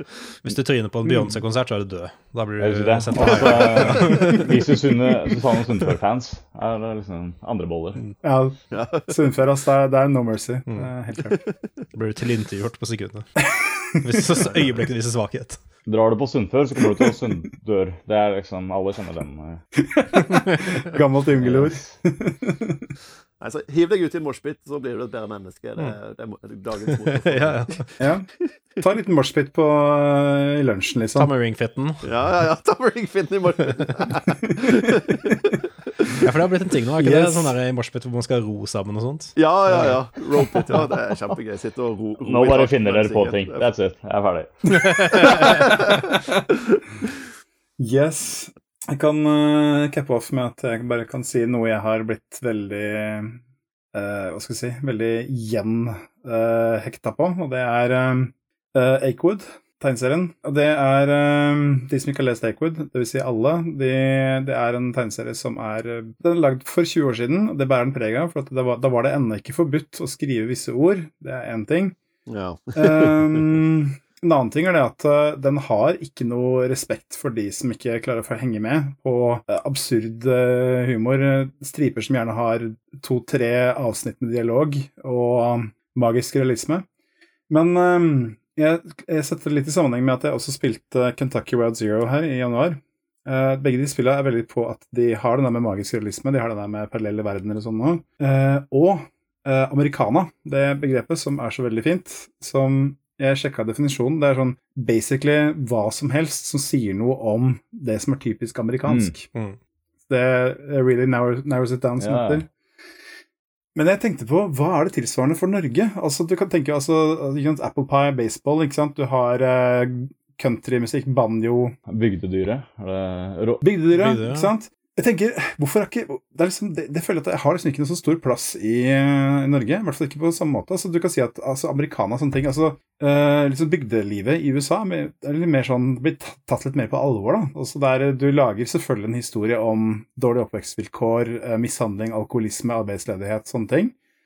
Eh, det ser du det ser du i mange, utallige filmer og TV-serier og spill. Altså, Senest så har vi jo Norco, som eh, handler om nøyaktig det der bare i en science fiction-setting, men ja. Det er liksom ikke i like stor grad i Norge. Folk er liksom ikke like uh, frampå med det, da. Altså det er, eh, altså Ja. Selvfølgelig finnes det jo historier om uh, eh, ja, bygdedyret, da. Liksom uh, dårlige oppvekstvilkår. Men er liksom, de, de tar liksom ikke noe videre. Det er bare nok en gang så skal du få høre om dette kjipe Ja, jeg tenker sånn der, tenker på eksempler på det, sånn Altså det, eller det første jeg tenkte på, var jo det at eh, du hadde jo en periode hvor borti Amerika så prøvde de jo å Kom vel egentlig kanskje mest fra Danmark, da, men de prøvde å appropriere dette konseptet med hygge. Ja. som liksom var sånn der, si, si, Alt heter noe med hygge nå, for ja, faen! hygge, sånn, sånn der, ja, ja, noe sånn eh, noe kaffe og kjeks og eh, mm. sitte i en lun kafé og eh, mye trepanel på veggen og alt det der, da. Men jeg vet ikke, jeg føler sånn type sånn derre sånn americana eh, når det kommer til Norge. Da tenker jeg med en gang på sånn eh, ting som The Julekalender og Trolljegerne og alt det der. Hvor det er sånn der Viser liksom litt det derre der, eh, Vet ikke, traust er vel kanskje et ord, men også bare litt den derre Det er veldig den bygdeestetikken, bare har en veldig sånn sans for humor rundt det. Ja, altså jeg føler jo at ofte i liksom sånn veldig generelle trekk, da eh, Jeg er ikke noe sånn veldig flink til å følge med på norsk kulturuttrykk sånn generelt sett, men så er det vel ofte at liksom sånn Ja, det som er litt mer landslig, blir vel ofte litt sånn Det blir liksom vits, litt sånn sett ned yeah. på, at det blir sånn billig Ja, Eller er liksom hø-hø-bønder, liksom. det er akkurat det. Altså, det, det eneste eksempelet jeg kommer på som gjør noe annet, det er Rådebank, den NRK-serien. Mm. Hvor liksom eh, Der er du litt mer på det med at uh, råning faktisk har noe for seg, da. Ja, ikke sant? Så hadde du jo den derre uh, Lillyhammer. Ja. Ja. Den, den gjorde jo Der fikk du faktisk litt lyst til å være litt i den verden, Mm. på en måte. Ja. Norge? bare- Ja. Lillehammer. Tenk å være i Norge. ja, Hvis jeg kjører bil i en time, så er jeg der. Men uh, The Kingdom of Lillehammer. Lillehammer burde jeg egentlig se merke. Men eh, jeg tenker på det som, det som spesifikt eh, tiltrekker meg veldig med Akewood og um, uh, Kentucky Road Zero, det er det at de blander det med magisk realisme. Mm. Eh, det, her med liksom, altså, det, det er en ting som ikke går an å gjøre i Norge på samme måte. For at det som blir på en måte fetisjert da, i de spillene, de, de mediene, uh, medietrykka, er det at eh, det her med den amerikanske industrien, ikke sant? Altså artefaktene som uh, samfunnet har etterlatt seg. Det er gamle biler, Ja, ja. gammel utdatert teknologi, ikke sant? Det har noe Mm. magisk ved seg. Uh, men Norge har jo ikke noe sånn Vi har ikke hatt noen uh, Altså, det er Tandberg-radio og 10-100 datamaskiner, liksom. Hvis du skal trekke samme parallellen der. Ja, for, ja, for mye amerikaner er nesten litt sånn, der, litt sånn fall from grace-type ting. og Sånn, her er liksom blitt preservert Mm. en sånn tapt uh, folkesjel. Uh, Ja, sånn relic av uh, Ja, ja. time. Ikke sant? Det er noe veldig Mm. nostalgisk med det, da, mens Norge har liksom alltid vært sånn Ja. Eh, Vi har liksom ikke hatt noe sånn vi er, vi er vel egentlig nå i vår storhetstid, så det er ikke så mye å se tilbake til, egentlig. Ja, men t- nå, nå går jo litt nedover med at olje er slutt på olje, sånn, så kanskje om 20 år så er liksom vi der amerikanerne er nå, da. Sitter og Ja. mimrer til eh, Ja, la, oss ikke, la oss ikke gå for dypt inn i hvor vi kommer til å være om 20 år, fordi det, det ser ikke så jævla bra ut. Nei. Nei, nei. Hva snakker du om? Det er altså- jo Econor går med superoverskudd. De betaler ut kjempemasse i år. Jeg tror de er de sterkeste år noensinne. Kutter tilbake på klimamålene, da, men det er, jo så. Det er ikke så farlig med det i lengden. Nei, ikke sant. Der, er, eh, vi tjente litt penger for en veldig liten rik elite i noen tiår. Det var verdt Jeg merker at min anbefaling denne uka tror jeg er giljotinen. Ja. Folkeopp- Folkeopprør og sivil ustand, ja. Nei, men altså, det, det- hvis du skjønner hva jeg mener, så det er eh, det her med at uh, eh, altså, I hvert fall spesielt Kentucky Road Zero bygger en sånn mytologi rundt det her. Altså så gammel teknologi, ikke sant. Altså det, og eh, altså det er nedlagt, nedlagte gruver og rustbelte og sånn nå. Det er, det er noe magisk med det. I Norge så er jo defaulten det er jo bare skauen, ikke Mm. sant. Det er noe magisk i skauen. At det er hulder og nisser og troll og sånn. Altså, herregud, den derre trollfilmen som kom i fjor, Å, er jo faen, et begredelig eksempel på det. Som bare en stinker uten like. Så det er, eh, det er liksom Jeg føler at vi Norge, er litt, for- Norge har litt å hente der. At vi må, må liksom mytologisere litt. Og tenke at Bygde-Norge er neste på programmet der. At noen burde lage litt sånn Ja, få inn litt magisk realisme, rett og slett. Få inn litt grann, eh, mysterier i Norge trenger, Norge trenger en eh, Twin Peaks, og det trenger en My Summer Car. Bare for å fange begge sidene av, uh, av bygde, bygdesjela. De to, de to, de Absolutt. to som Ja. liksom. Duality of man, yin and yang, osv. Hva med det derre Hva er det det heter? Eh, norsk spill Northern Journey. Ja. Der er vi faktisk litt i nærheten, men det er veldig sånn fantasy-prega nå. De som ikke har spilt Northern Journey, kan jeg si at det er veldig kort. Det, er, eh, det ser ut som det er laget på 90-tallet. Det er egentlig to år gammelt, tror jeg. Men det er lagd av én mann. Eh, han har gjort absolutt alt. Hvis du søker på Han heter eh, eh, Han kaller seg for Sleed Games, tror jeg det er. SLID Games. Jeg vet ikke helt hva det skal bety. Men uh, søkte opp på YouTube. Han har en fa fantastisk engelsk aksent, og han forklarer veldig mye. Og han er veldig glad i å fortelle om spillene sine. Altså basically, når han, han skal lage eh, miljøer til spillene sine, altså stein, skog, trær, planter, sånne ting, så drar han på tur ut i skauen, tar bilder, tar gjerne og røsker opp noen planter, legger de på et hvitt ark, tar bilder og skanner inn og sånn noe. Og modellere ting sjøl i Blender. Og jeg tror ikke at han lærte seg så mye koding, men han driver med blueprints i Unreal Engine i hvert fall. Det har veldig gode Eurojank-vibber fra det jeg ser på nå. Det er det jeg hører. Jeg har, jeg har Ja. egentlig bare lest inntrykk fra, fra amerikanere, og de var sånn her Mm. Ja, ja, great game, liksom. At det er bare noe veldig eget og Mhm. sært. Mm. Det, altså det, det skal sies, altså, han har lagd sin helt egen stil. Altså det, er, altså det er ikke i nærheten av å være trippel A, selvfølgelig, men det er heller ikke penger. Mm. Det er jo hans uttrykk, og det er, eh, står det veldig respekt av, syns jeg. Uh, Jon Cato og Lars hadde han som gjest på Spillrevyen en gang, husker jeg. Det, det var veldig kult. Han var veldig sånn Hørtes ut som den superhyggelige fyren, liksom. Og bare var veldig sånn Han hadde bestemt seg for at han skulle lage spill. Ja, og så gjorde han herlig. det. Hmm. Det var det han som var hans greie. Jeg, føl Så yes. jeg føler for ti år siden hadde vi det der Nordic Noir-greiene, da, som var litt sånn slo an Ja, droen og sånne ting, ja. Ja, det er sant, det. Ja, Ja, ja. det var jo ikke helt sånn fantasy akkurat da, men at vi, det, liksom det gritty nordiske Hvor trist og mørkt vi har det her, greien. Ja, men det er, det er liksom det. Altså, du, du, tar, du gjør det alltid til noe negativt, føler jeg. da. Men det er, liksom, det, er- det er ikke noe sånn eh, hyllester av den der nordiske folkesjela. Og det syns jeg er litt sånn overdue, egentlig. Det er, altså, da tenker jeg Altså, jeg, da jeg begynte å tenke på det, var vel egentlig da vi var i Oslo i januar og dro innom herlig Dovrehallen. Ja, ja. Mm. Jeg tenkte liksom Altså, hvis jeg drar til eh, Hvis jeg drar til Land kommune, altså i, i tidligere Oppland, så kan jeg dra på kroa som heter Bjørnen, som har stått der sikkert siden før uh, faren min ble født, ikke sant? Før Dove oppsto en gang. ja.